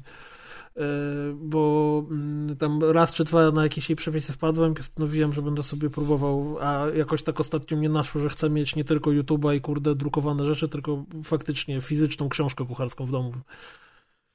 Książki, książki kucharskie są fajne, tylko mam z nimi problem, bo zawsze je kupujemy i nigdy z nich nie korzystamy. A to słuchaj, zrobiłem sobie, kupując je, założyłem sobie challenge że nie będę poświęcał trzech godzin y, przeglądając książkę i zastanawiając się, co chcę ugotować, tylko po prostu co tydzień w weekend wybieram kolejną rzecz z, y, ze spisu treści do robienia na obiad. Po prostu, bez zastanawiania się, czy ten sobie nie, próbuję, żeby zobaczyć, czy będzie dobre, czy będzie niedobre. Jak będzie niedobre, to nigdy więcej w życiu nie zrobię, jak będzie dobre, to nie zrobię jeszcze nie raz. Muszę, muszę kiedyś spróbować, tak się trochę zmusić, żeby przelecić przepisy. Bo, bo, problem jest taki, że jak przeglądasz sobie książkę kucharską, to to wiesz zawsze, zawsze jest jak, jak, jak yy, yy, dziecko w sklepie ze słodyczami. Kurde, za dużo tego, czy ja chcę to, czy, a może wolę to, a może tam, a, a może co, jednak też co aktualnie masz w domu, czy o, albo dokładnie, nie mam tego, to mi się nie chce kupować. Nie? No, nie, nie, to jest. No, a ja nie, wyszedłem z założenia, że wiesz, że, że, że biorę spis treści, po kolei jadę przepis po przepisie, raz, raz w weekend, raz w tygodniu, e, robiąc tam w piątki zakupy pod to właśnie specjalnie. E, to jest bardzo fajne podejście. Ciekawe, no. A próbowali, próbowaliście, próbowaliście kiedyś przepisu z takich e, ciekawych książek typu książka kucharska Fallouta albo książka kucharska z gry o Tron?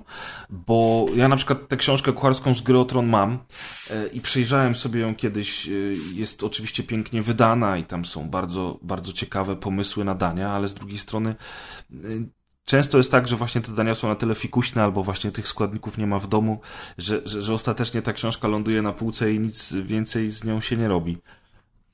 jakoś, kurde, nigdy nie próbowałem, bo nie, nie kojarzą mi się te rzeczy z dobrym jedzeniem. E, wiesz, w ogóle, wiesz, jak myślisz sobie o Falloutie? Nie wiem, czy kojarzycie film y, Szef. Z... Tak, oczywiście, z, z Johnem Favreau. Tak, uwielbiam ten film.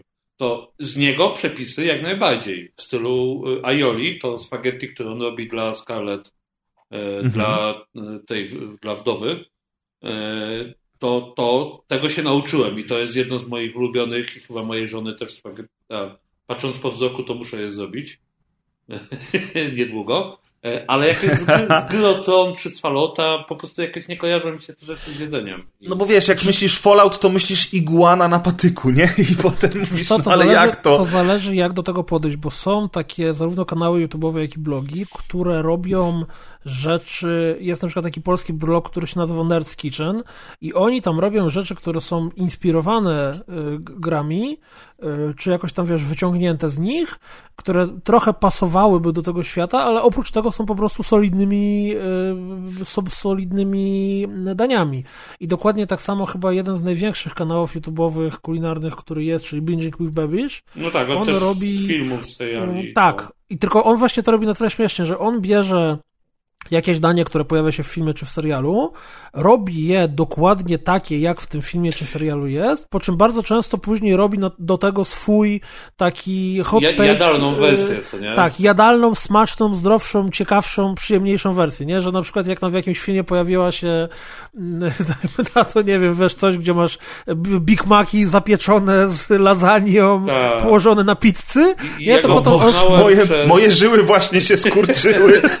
Ja go poznałem przez przepis, który robił z Archera, z mojej ulubionej kreskówki. I Oj, był... kocham Archera. Tak, to krokiet Messier na śniadanie z pół kilograma trufli, jakieś takie rzeczy w ogóle. No właśnie, a ten krokiet Messier w, ten, w tym przepisie to on go robi potem chyba w czterech czy w pięciu różnych wersjach, które każda jest, y, oprócz tej, tej pierwszej stricte z serialu, która potem jest właśnie, że możesz sobie spokojnie pomyśleć o tym, żeby zrobić to w domu. Znaczy ja mam, Więc... ja, ja mam ogólnie taki problem, że ja nie za bardzo umiem robić z przepisów, sensie, jak robię z przepisów, to robię stricte z przepisu, bo jestem techniczny. Jak wiecie, mam, że to ma być 20 ml mleka, to będzie, nie wiem, 200, to będzie równo 200, co nie? Ja biegnę po miarkę i robię równo 200. Więc bardzo często mam tak, że czytam sobie przepis na zasadzie, ok, tak się to robi, taka jest logika i wbijam do kuchni i robię już bez przepisu, tylko jakby pamiętając podstawowe założenia. Tak te bułki, o których prezes mówiłeś, co dzisiaj upiekłem, to nie jest mhm. tak, że wziąłem przepis na bułki, tylko dobra, żeby zrobić bułki musisz połączyć to, to i to i ma mieć dobrą konsystencję. No zobaczymy, co z tego wyjdzie. I, i, i trochę mam tak, bardziej w tą stronę. Nie, nie mam tak, że robię jakieś przepisy konkretne, ale jak oglądam jakiś film, w którym jest jakiś konkretny rodzaj jedzenia, to często stwierdzam, ej, a to fajnie by było sobie zrobić coś w tym klimacie. Ja mam, ja mam wrażenie, że z gotowaniem jest tak, że jak y, nabierasz doświadczenia z, z tym, co, co umiesz robić, to tak trochę podświadomie się zaczynasz w głowie uczyć, y, co do siebie pasuje, co jak przyprawić, jak no, ugotować. Plus, wiesz, takich schematów trochę. Takich schematów, plus jeszcze, znaczy y, tak, moim zdaniem to nie działa na ciasta. W większości ciast, które się robi, powinno się robić zgodnie z przepisem, właśnie tak jak mówisz, 200 mg mąki, a nie to, e, dobra, jebnę, jebnę trzy szklanki, poprawię kawką, będzie git. Wiecie, e, jest jedna rzecz, tak jak sobie myślę, jedna jakby źródło przepisów, które mnie wiele nauczyło, ale nie przepisów, tylko takiego podejścia do gotowania. E, to jest kanał, który już w ogóle umarł i tam była niezła drama, bo e, mówię tu dokładnie o... O Boże, mam dziurę w głowie. Kochanie, przypomnij, jak się nazywa sobie. kanał o gotowaniu, który ma... Bon Appetit. O, Bon Appetit. Tam była jakaś drama faktycznie, nie? Tam, tam była sroga drama w związku z People of Color. Nie chce mi się wchodzić w ten temat, bo to nie jest na, na jakby... Szkoda, już Jasne. było dużo o tym powiedziane. Y, kanał generalnie kto będzie umarł, chciał to wyszuka. Ale szkoda, bo słuchajcie, ja polecam kanał Bon Appetit. Y, tam są takie genialna seria, gdzie zawodowy kucharz, a dokładnie zawodowa ciastkarka, czy to się poprawnie po polsku nazywa cukierniczka, ona robi na przykład Snickersa i robi swoją wersję Snickersa, ale stara się skopiować Snickersa jak najbardziej się da. Albo skittlesy, albo jakieś takie rzeczy. On po prostu bierze jakiś produkt i robi wersję domową tego produktu. Bo na Petit ma super przepis na mm, chleb bananowy. O, tam jest, tak, ten chleb bananowy jest, jest genialny. rewelacyjny. On jest, jest fajny z kostkami czekolady, kawałkami czekolady i on jest taki wilgotnie, jest, jest super ten, ten, ten Ja bardzo ten, lubię ten, ten kanał, lubiłem oglądać, bo niestety już nie, nie robią kontentu, bo oni uczyli właśnie nie konkretnych przepisów, tylko takich słuchajcie, jak gotujecie to, to trzeba pamiętać o tym. I takie bardziej techniczne podejście w stylu no, robisz makaron, robisz sos poloński, tam masz dużo zasadowych rzeczy. Musisz dodać coś kwasowego, coś tam, coś tam. Jakieś takie y, myślenie w tą stronę i mi się na przykład, ja się od nich nauczyłem y, grzanki. Jak robisz grzanki, no to co? No masłem smarujesz ten chleb na patelnię, co nie? Olej masło. Użyj majonezu, który się karamelizuje i też jest tłuszczem. I naprawdę powiem wam, że grzanki posmarowane majonezem, a nie masłem, rzucone na patelnię, no rewelacja. Taki... Koniecznie sprawdź sobie kanał, jeżeli jeszcze go nie znasz, który się nazywa Alex French Guy Cooking. Nie, no raczej, raczej. A, no, to e, jest... Ten, mogę się pochwalić, jest... że e, kiedyś na Twitterze się dogadaliśmy i obiecał, że jak będzie w Polsce, to wpadnie na warsztat i coś zrobimy. O, wow, rewelacja. Ten człowiek jest niesamowity, bo tu Grzegorz nadlecie ciekawostka, bo on jest, po, po pierwsze ma dużo skill w gotowaniu, ale pomijając to, on ma w sobie taką lekką nutę obsesji. Tak. I w momencie, w którym bierze jakiś temat na warsztat, na przykład ma serię chyba, to jest po prostu... albo o pulpetach, wymyślił, że musi stworzyć idealnie okrągłego klopsika. I on Więc mnie wiesz, przekonał do jedzenia miso. On, tak jak on podchodzi do idealnego wywaru na miso. I on potem testował. To, to, to jest mój poziom podejścia do budowania rzeczy, nie? Zróbmy... drogą też jego książkę kucharską kupiłem właśnie. Zróbmy tabelkę, przetestujmy wszystkie opcje. Tak, uwielbiam, uwielbiam kanał. To jest rewelacyjny kanał. Tak, tak, I co, wyszedł mu ten klopsik? Tak, ale wiesz co, to jest chyba tam 10 filmów i na końcu jeszcze wymyślę to, że w ogóle wydrukował sobie na drukarce 3D specjalny pistolet do tego, żeby to mięso, wiesz, miało idealne kółeczko i potem obczaił, że musi wymyślić tak, że jak ono wpada do, mm, do wody, czy też do czegokolwiek jest gotowane albo pieczone, to że nie może leżeć, no bo wtedy, jeżeli będzie leżało, to wtedy się od, y, od, odpłaszczy na jednej ściance. Nie, gość jest, gość jest absolutnie niesamowity. Tak, i on, on ma taką wkrętę na, jakby on przechodzi przez różne y, rzeczy w kuchni, właśnie to croissanty, co mówiłem, klopsy. E, kiedyś miał fazę na pizzę. Zaczął. Te sosy robił też o miso, o makaronach przecież, jak mu w ogóle... O, on miał całą odyseję z pizzą, nie? Tak. Jest mój najprostszy sposób na ciasto na pizzę, czyli mieszasz składniki, odkładasz na półkę na jeden dzień. A jego, w ogóle ja trafiłem na jego kanał przez kanał techniczny yy, This Old Tony, to jest koleś, który buduje rzeczy na warsztacie, trochę jak ja. I on dla niego robił maszynę do makaronów. I dzięki niemu poznałem kanał kulinarny i, i odkryłem ten jego kanał. I uwielbiam. To jest w ogóle podejście do gotowania, które mi się strasznie podoba. Tak, właśnie to też jest w sumie zabawne, że on nie ma, bo większość kanałów kulinarnych mają kuchnię. Znaczy są w, nawet bardzo rozbudowanej, ale jednak kuchni. A Alex ma warsztat. I Alex bardzo często z różnych rzeczy w tym warsztacie korzysta w trakcie gotowania. Więc... Tak, on często więc... buduje sobie jakieś. Właśnie to jest powód, dlaczego go lubię. On sobie buduje swoje własne narzędzia. To jest mniej więcej to, co ja robię u siebie nie, zanim coś kupię, staram się zrozumieć, jak to działa i dowiedzieć się, czy rzeczywiście potrzebuję kupić maszynę do robienia, nie wiem, do rozwakowywania makaronu. To jak jeszcze jesteśmy przy kanałach kulinarnych, jeszcze gorąco polecam od siebie. Co prawda to jest taki basic. On, to jest po prostu gość, który gotuje smaczne rzeczy, czyli Joshua Wiseman. On ma rewelacyjny, właśnie a propos bułeczek, ma rewelacyjny przepis na, e, ja to nazywam bułeczki maślane, a to się chyba w oryginale nazywają diner rolls które robisz y, z wykorzystaniem y, tang zen, to jest tak jakby pasta, z, którą sam robisz z mąki i mleka y, i na tej podstawie masz taką pastę, którą potem dodajesz do ciasta, przez to te bułeczki wychodzą takie ekstremalnie puszyste i, i, i, i mega smaczne.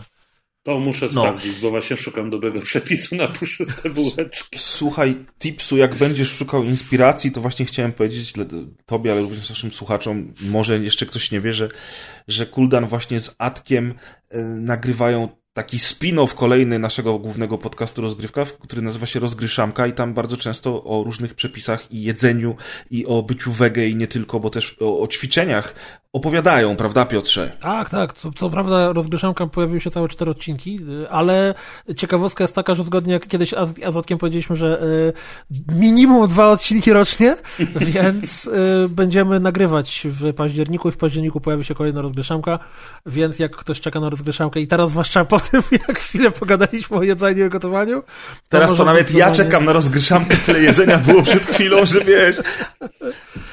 No tak, no ja Chętnie powiem, posłucham, to zakładam to siedzenie, e, siedzenie, siedzenie pół roku w domu i za bardzo nie wychodzenie, to doprowadziło do tego, że mój skór kulinarny urósł o parę poziomów w górę.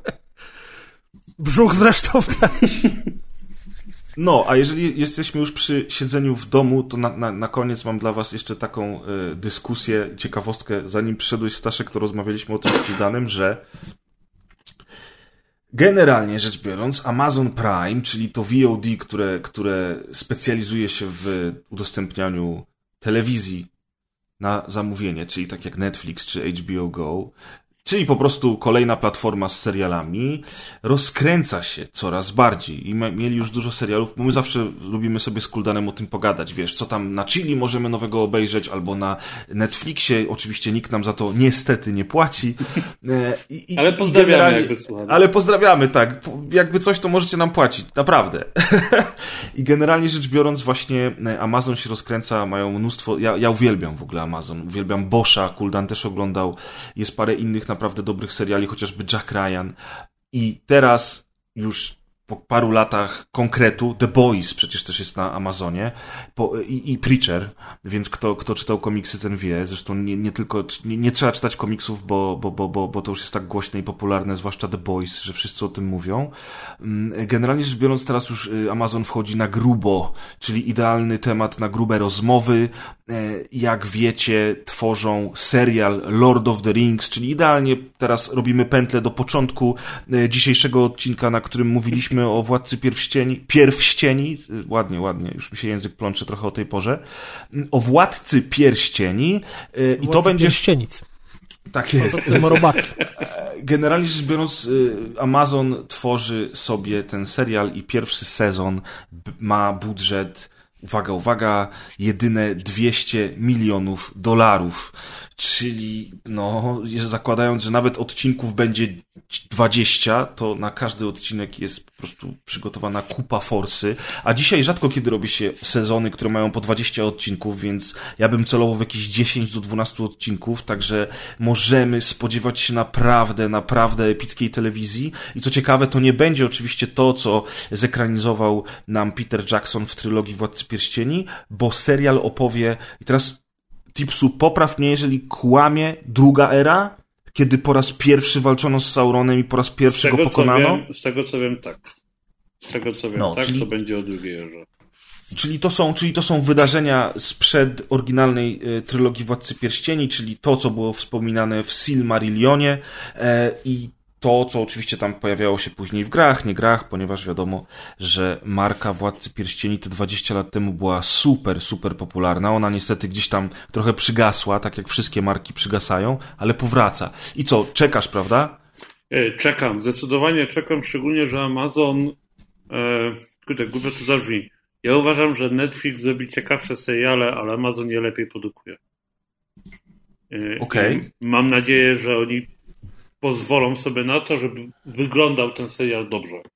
Bo boję się, że jakby Netflix go zrobił, to by wyszedł nam trochę, trochę jednak skrzywiony. Powiedzmy to, powiedzmy to na głos. Wyszedłby nam trochę Wiedźmin od Netflixa, tak? Ale Czyli nie, nie, nie chciałem mówić okay? Wiedźmin od Netflixa, bo ja bardzo lubię Wiedźmina od Netflixa. Uważam, że to jest jeden z najlepszych seriali na Netflixie. Po prostu jest za trudny dla większości ludzi i jest źle napisany dla współczesnego widza. Okej, okay, ale jeżeli chodzi jakby o, o to, jak on wygląda, troszeczkę o tą scenografię, o ten budżet, który tam czuć, namacalnie czuć, to ten pierwszy Wiedźmin jest okej, okay, tak? Ale, ale jednak czegoś mu tam brakuje, prawda? E, według mnie Wiedźmin wygląda super, ale to jest po prostu konwencja, która do mnie nie przemawia w 100%. O, on jest mega dobrze zrobiony, tam są dobre kostiumy, tam są naprawdę fajnie zaprojektowane te kostiumy, ale on jest zrobiony tak jak seriale Netflixowe, on jest taki mocno współczesny. Oni się nie do końca przejmują e, tym rozmachem kostiumów, bardziej, żeby kostium pasował do postaci. I to jest wszystko ok. Po prostu dla mnie Wiedźmin, szczególnie po tym, że jakby i Wiedźmin i Władca Pierścieni dla mnie są początkiem fascynacji fantastyką i kostiumami, mi tam brakuje tego detalu. W sensie Geralt w serialu ma kostiumy zrobione zarąbiście, ale ma tylko miecz, który cokolwiek znaczy. A jak zobaczycie jakikolwiek kostium z Gry która według mnie jest fatalnym serialem, ale za to kostiumy tam są na takim poziomie, że tam można siedzieć i patrzeć na detale. W ogóle tak, jakby zgadza. tylko to robić, co nie? Y, I dlatego cieszę się, że Amazon robi Władcę Pierścieni, a nie Netflix robi Władcę Pierścieni. Bo ile do Wiedźmina ta konwencja jeszcze trochę pasuje, spoko, o tyle do Władcy Pierścieni już nie pasuje. Tam musi być epic fantasy. Tam przy tym muszą pasować ludzie, którzy rozumieją, że jakby rodzaj szwów na kurtce ma znaczenie. No, no. Czy te 200 Kurde. milionów ma na co pójść? Tak, ma, ma na co pójść. No, szczególnie, że pierwszy sezon w kostiumowym serialu jest zawsze najdroższy, co nie? To... Ja mam nadzieję... Do... Czemu jest najdroższy? No bo musisz zrobić wszystkie kostiumy i lokacje. A, no tak, potem to te rekwizyty są używane, oczywiście. Yy, I jak planujesz na wiele sezonów, żeby to było, to pierwszy jest zawsze najdroższy. To dobrze było widać jakby w dawnych czasach produkcji seriali, jak ja się zaczynałem tym interesować i byłem wtedy oglądałem namiętnie Star Trek i wszystkie możliwe wersje, zawsze pierwszy odcinek albo pierwszy sezon miał najwyższe koszta. No bo trzeba było zbudować cały ten statek, a potem kręcisz w tej lokacji ile chcesz. To się zmieniło no tak. Y, w tym, jak Geotron była produkowana, to się mocno zmieniło, bo tam settingi się zmieniają. Co sezon oni budowali je na nowo. To jest w ogóle bez sensu i to jest tylko no, wiesz, kasy ale, ale to wynikało z tego, jak była napisana książka i tam te settingi się zmieniały, dlatego że coraz to nowsze krainy się pojawiały, coraz to nowsze e, okay, rody, ale, armie. Nie, nowsze krainy to co innego. Winterfell jest zbudowane sześć razy i co dwa sezony wygląda inaczej i ja dostaję najwyżej. Aha, aha. To jest jakby. No proszę. To, to, tam nie ma ciągłości w tych rzeczach. Za każdym razem jest zbudowane super, ale to nie jest tak, że oni zbudowali jeden plan i kręcili. Wiecie, jak kręcili TNG e, Star Treka z Picardem, E, czyli z popularnym łysym, e, no mhm. to jak zbudowali Enterprise'a, to on stał 12 lat i oni cały czas kręcili na tym samym planie. Kumam, kumam. Właśnie tam przypomnieliście mi, że jeszcze Picarda nie oglądałem od Amazona propos. Właśnie, tam Picard też jest. Ja niestety nie jestem fanem Star Treka. Próbowałem się do niego przekonać i wiem, że to jest bluźnierstwo, co teraz powiem, ale tak naprawdę tylko te Star Treki od Abramsa mi się podobały, które wiem, w, wiem, że ludzie rozpaczali, ale zrozumiałem, dlaczego... No właśnie, ale poczekaj, poczekaj, poczekaj, daj mi się zrehabilitować. Ja zrozumiałem, dlaczego ludzie rozpaczali, e, a ja byłem ignorantem, e, ponieważ potem Abrams zrobił nowe Gwiezdne Wojny. Okej? Okay? I, I, wtedy już zrozumiałem, że karma wraca. I powiedziałem sobie, okej, okay. mówię, znaczy, e, jesteśmy kwita. Jak chodzi o stateki od Abramsa, one są okej. Okay. Kurde, jak ja się zacząłem bawić trekiem, to pojawiał się Enterprise, ten stary Enterprise, ten, gdzie grał Bakula. Mhm. E, I on mi się podobał, a wszyscy klasyczni miłośnicy Treka mówili, że to nie jest Star Trek, to nie pasuje do konwencji, to jest w ogóle kupa, czemu ty to oglądasz? Wiecie, jak, miałem, jak miałem 14 lat, byłem na Trek Konie w koło brzegu w szkole podstawowej. To było 19 lat temu, to był stary konwent. I wtedy wchodził właśnie Star Trek Enterprise i myśmy z ekipą go oglądali i starzy wyjadacze, organizatorzy e, przyszli i nam wyłączyli rzutnik. Bo to nie jest Star Trek, nie? Wow. E... To dopiero. Wow. Dzisiaj się tak mówi o tym Star Treku z Netflixa i mówi się tak o tym Star Treku z y, Abramsa. A ja Dzisiaj, uważam, prze, przepraszam, przepraszam. To po prostu... Dzisiaj by ci. Dzisiaj by ci nie wyłączyli tego filmu, bo jakbyś wstał z krzesełka, to by powiedzieli, przepraszam pana, to ja już pójdę. Okej, okay, no w sumie tak, to jest prawda. Jak dzisiaj... Jestem totalnie z boku, bo moim ulubionym Star Trekiem jest Voyager. E, moim ulubionym też jest Voyager, uważam, że jest najlepiej nagrany. E, no i przecież ale... to była 7 z 9, to już w ogóle nie. Tak, Seven of Nine to nie, błagam cię, nie oglądaj Picarda. Eee, każdy kolejny Star Trek jest po prostu kolejnym Star Trekiem i albo się podoba, albo nie. Ja jestem fanem akurat Tosa i to tego starego Tosa, tego, który jest teatrem telewizji, jakbyśmy to w sumie powiedzieli. E, ale te nowe Star no mi się nie podobają, tak samo jak nie podobają mi się nowe Gwiezdne Wojny, ale wiem, że jeżeli więcej ludzi dzięki temu będzie znało Star Treka, no to Jakby...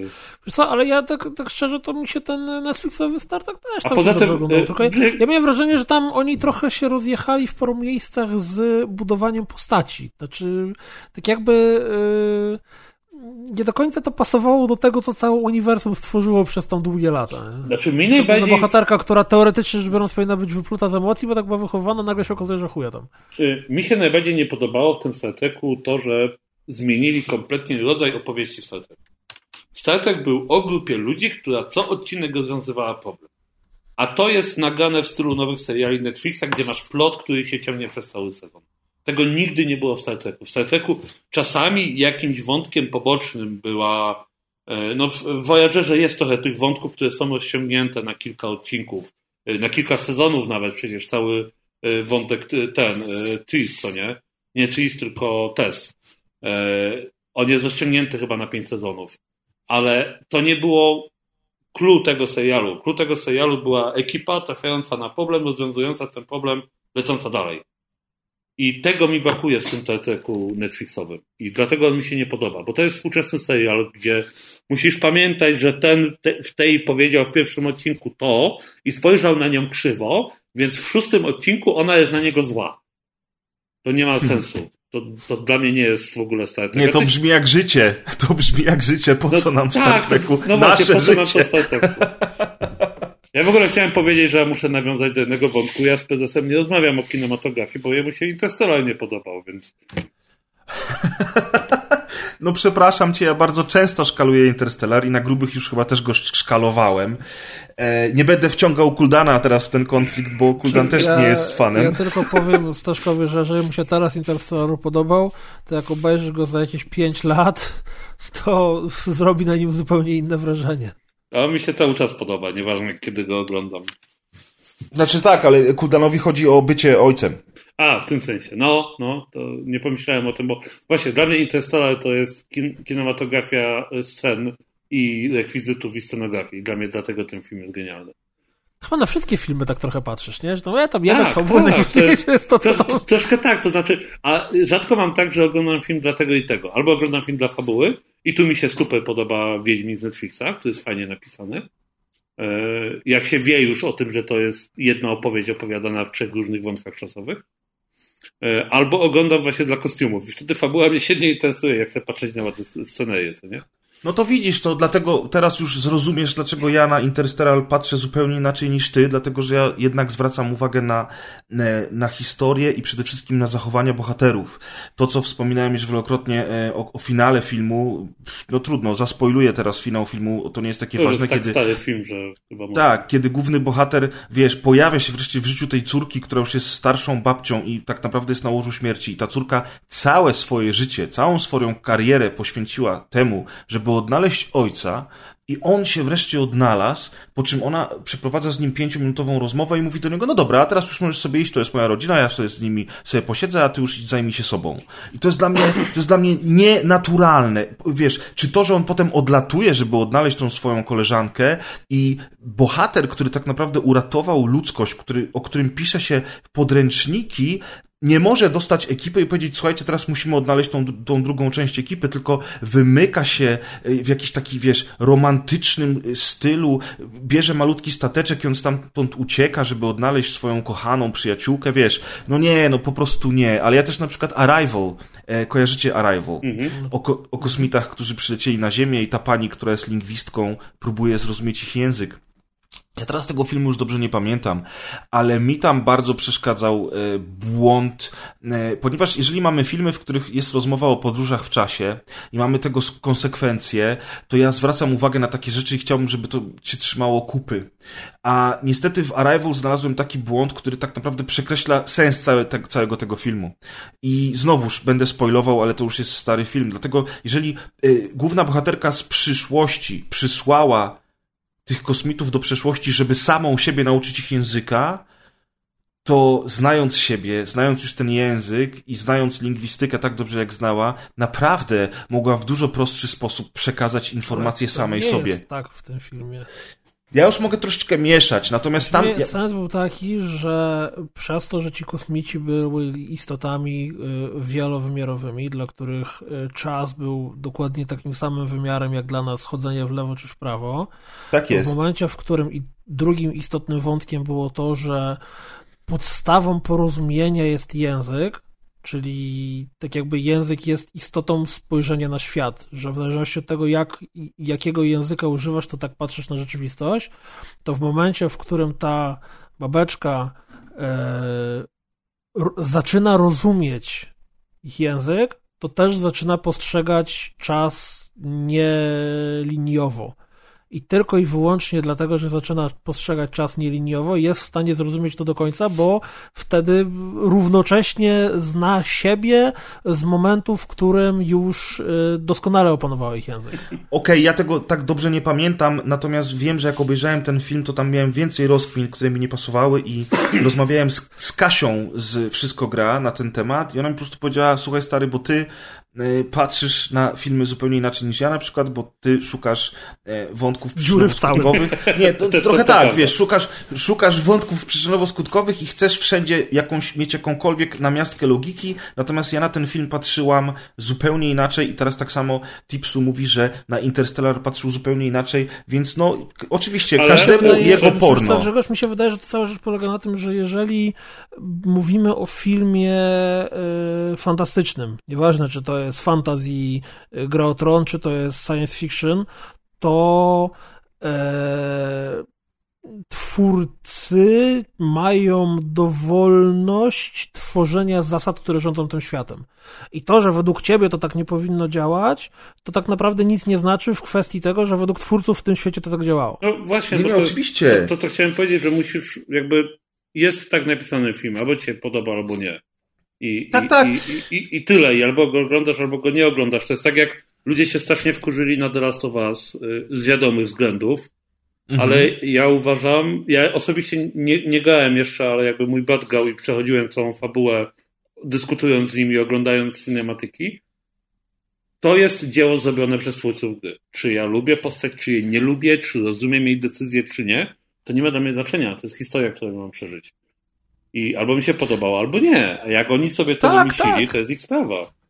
Tak, tak, natomiast tutaj totalnie zgadzam się z tobą w kwestii Ty powinieneś oglądać Star Treka. Ja powinienem oglądać Star Treka. Słuchaj, y, y, mówiłeś o tym języku, że tam jakby jak ona już rozumie ten język, nie widziałem, chętnie obejrzę po tym, co mówiliście, o tym Arrival, tylko mhm. plastycznie ten film kojarzę. Jest, ostatnio oglądałem odcinek y, TNG, gdzie właśnie Łysy z Ochoty, czyli kapitan Picard, spotyka rasę, której Universal Translator nie potrafi sobie poradzić z tłumaczeniem, bo tłumaczy okay. blednie. A okazuje się, że ta rasa się komunikuje nie mówiąc językiem, tylko podając na wszystko w stylu dzień dobry, do widzenia, podejmij to, yy, nawiązuje do wydarzeń ze swojej historii. Więc nieważne, jak dobrze przetłumaczysz ich język, jak ty mówisz do kolesia, no chodź mi się napić, a on ci mówi pijana jak Katarzyna w, w 1925, E, no nie rozumiesz okay. jego odpowiedzi, czy ona pozytywnie się upiła, czy negatywnie się upiła. I to jest cały odcinek polega na tym, że oni się próbują dogadać i Picard powoli zaczyna rozumieć ich, jakby logikę ich języka. To jest właśnie to, jest właśnie to czego nie ma w Star Treku z Netflixa. Nie ma takich rozkmin, nie ma takich hardkorowych tematów, takich stricte jakby zabaw logicznych, bo tam nie wszystko ma sens, czy jak oni się biją, że to nie miało sensu, że mogli się teleportować, cokolwiek. Nie. To chodzi o, w tym w Star Treku chodzi o to, żeby zadać taką rozkminę w stylu ej, rzeczywiście, przecież język niekoniecznie musi działać tak jak nasz. Może się odnosić tylko do kulturowych zagrywek, co nie? I dlatego no uważam, tak. że ty powinieneś lubić Star Treka, bo on zadaje tak dużo takich fajnych pytań, które są kopalnią w ogóle, wiesz, jakby przemyśleń, takich ćwiczeń logicznych sobie.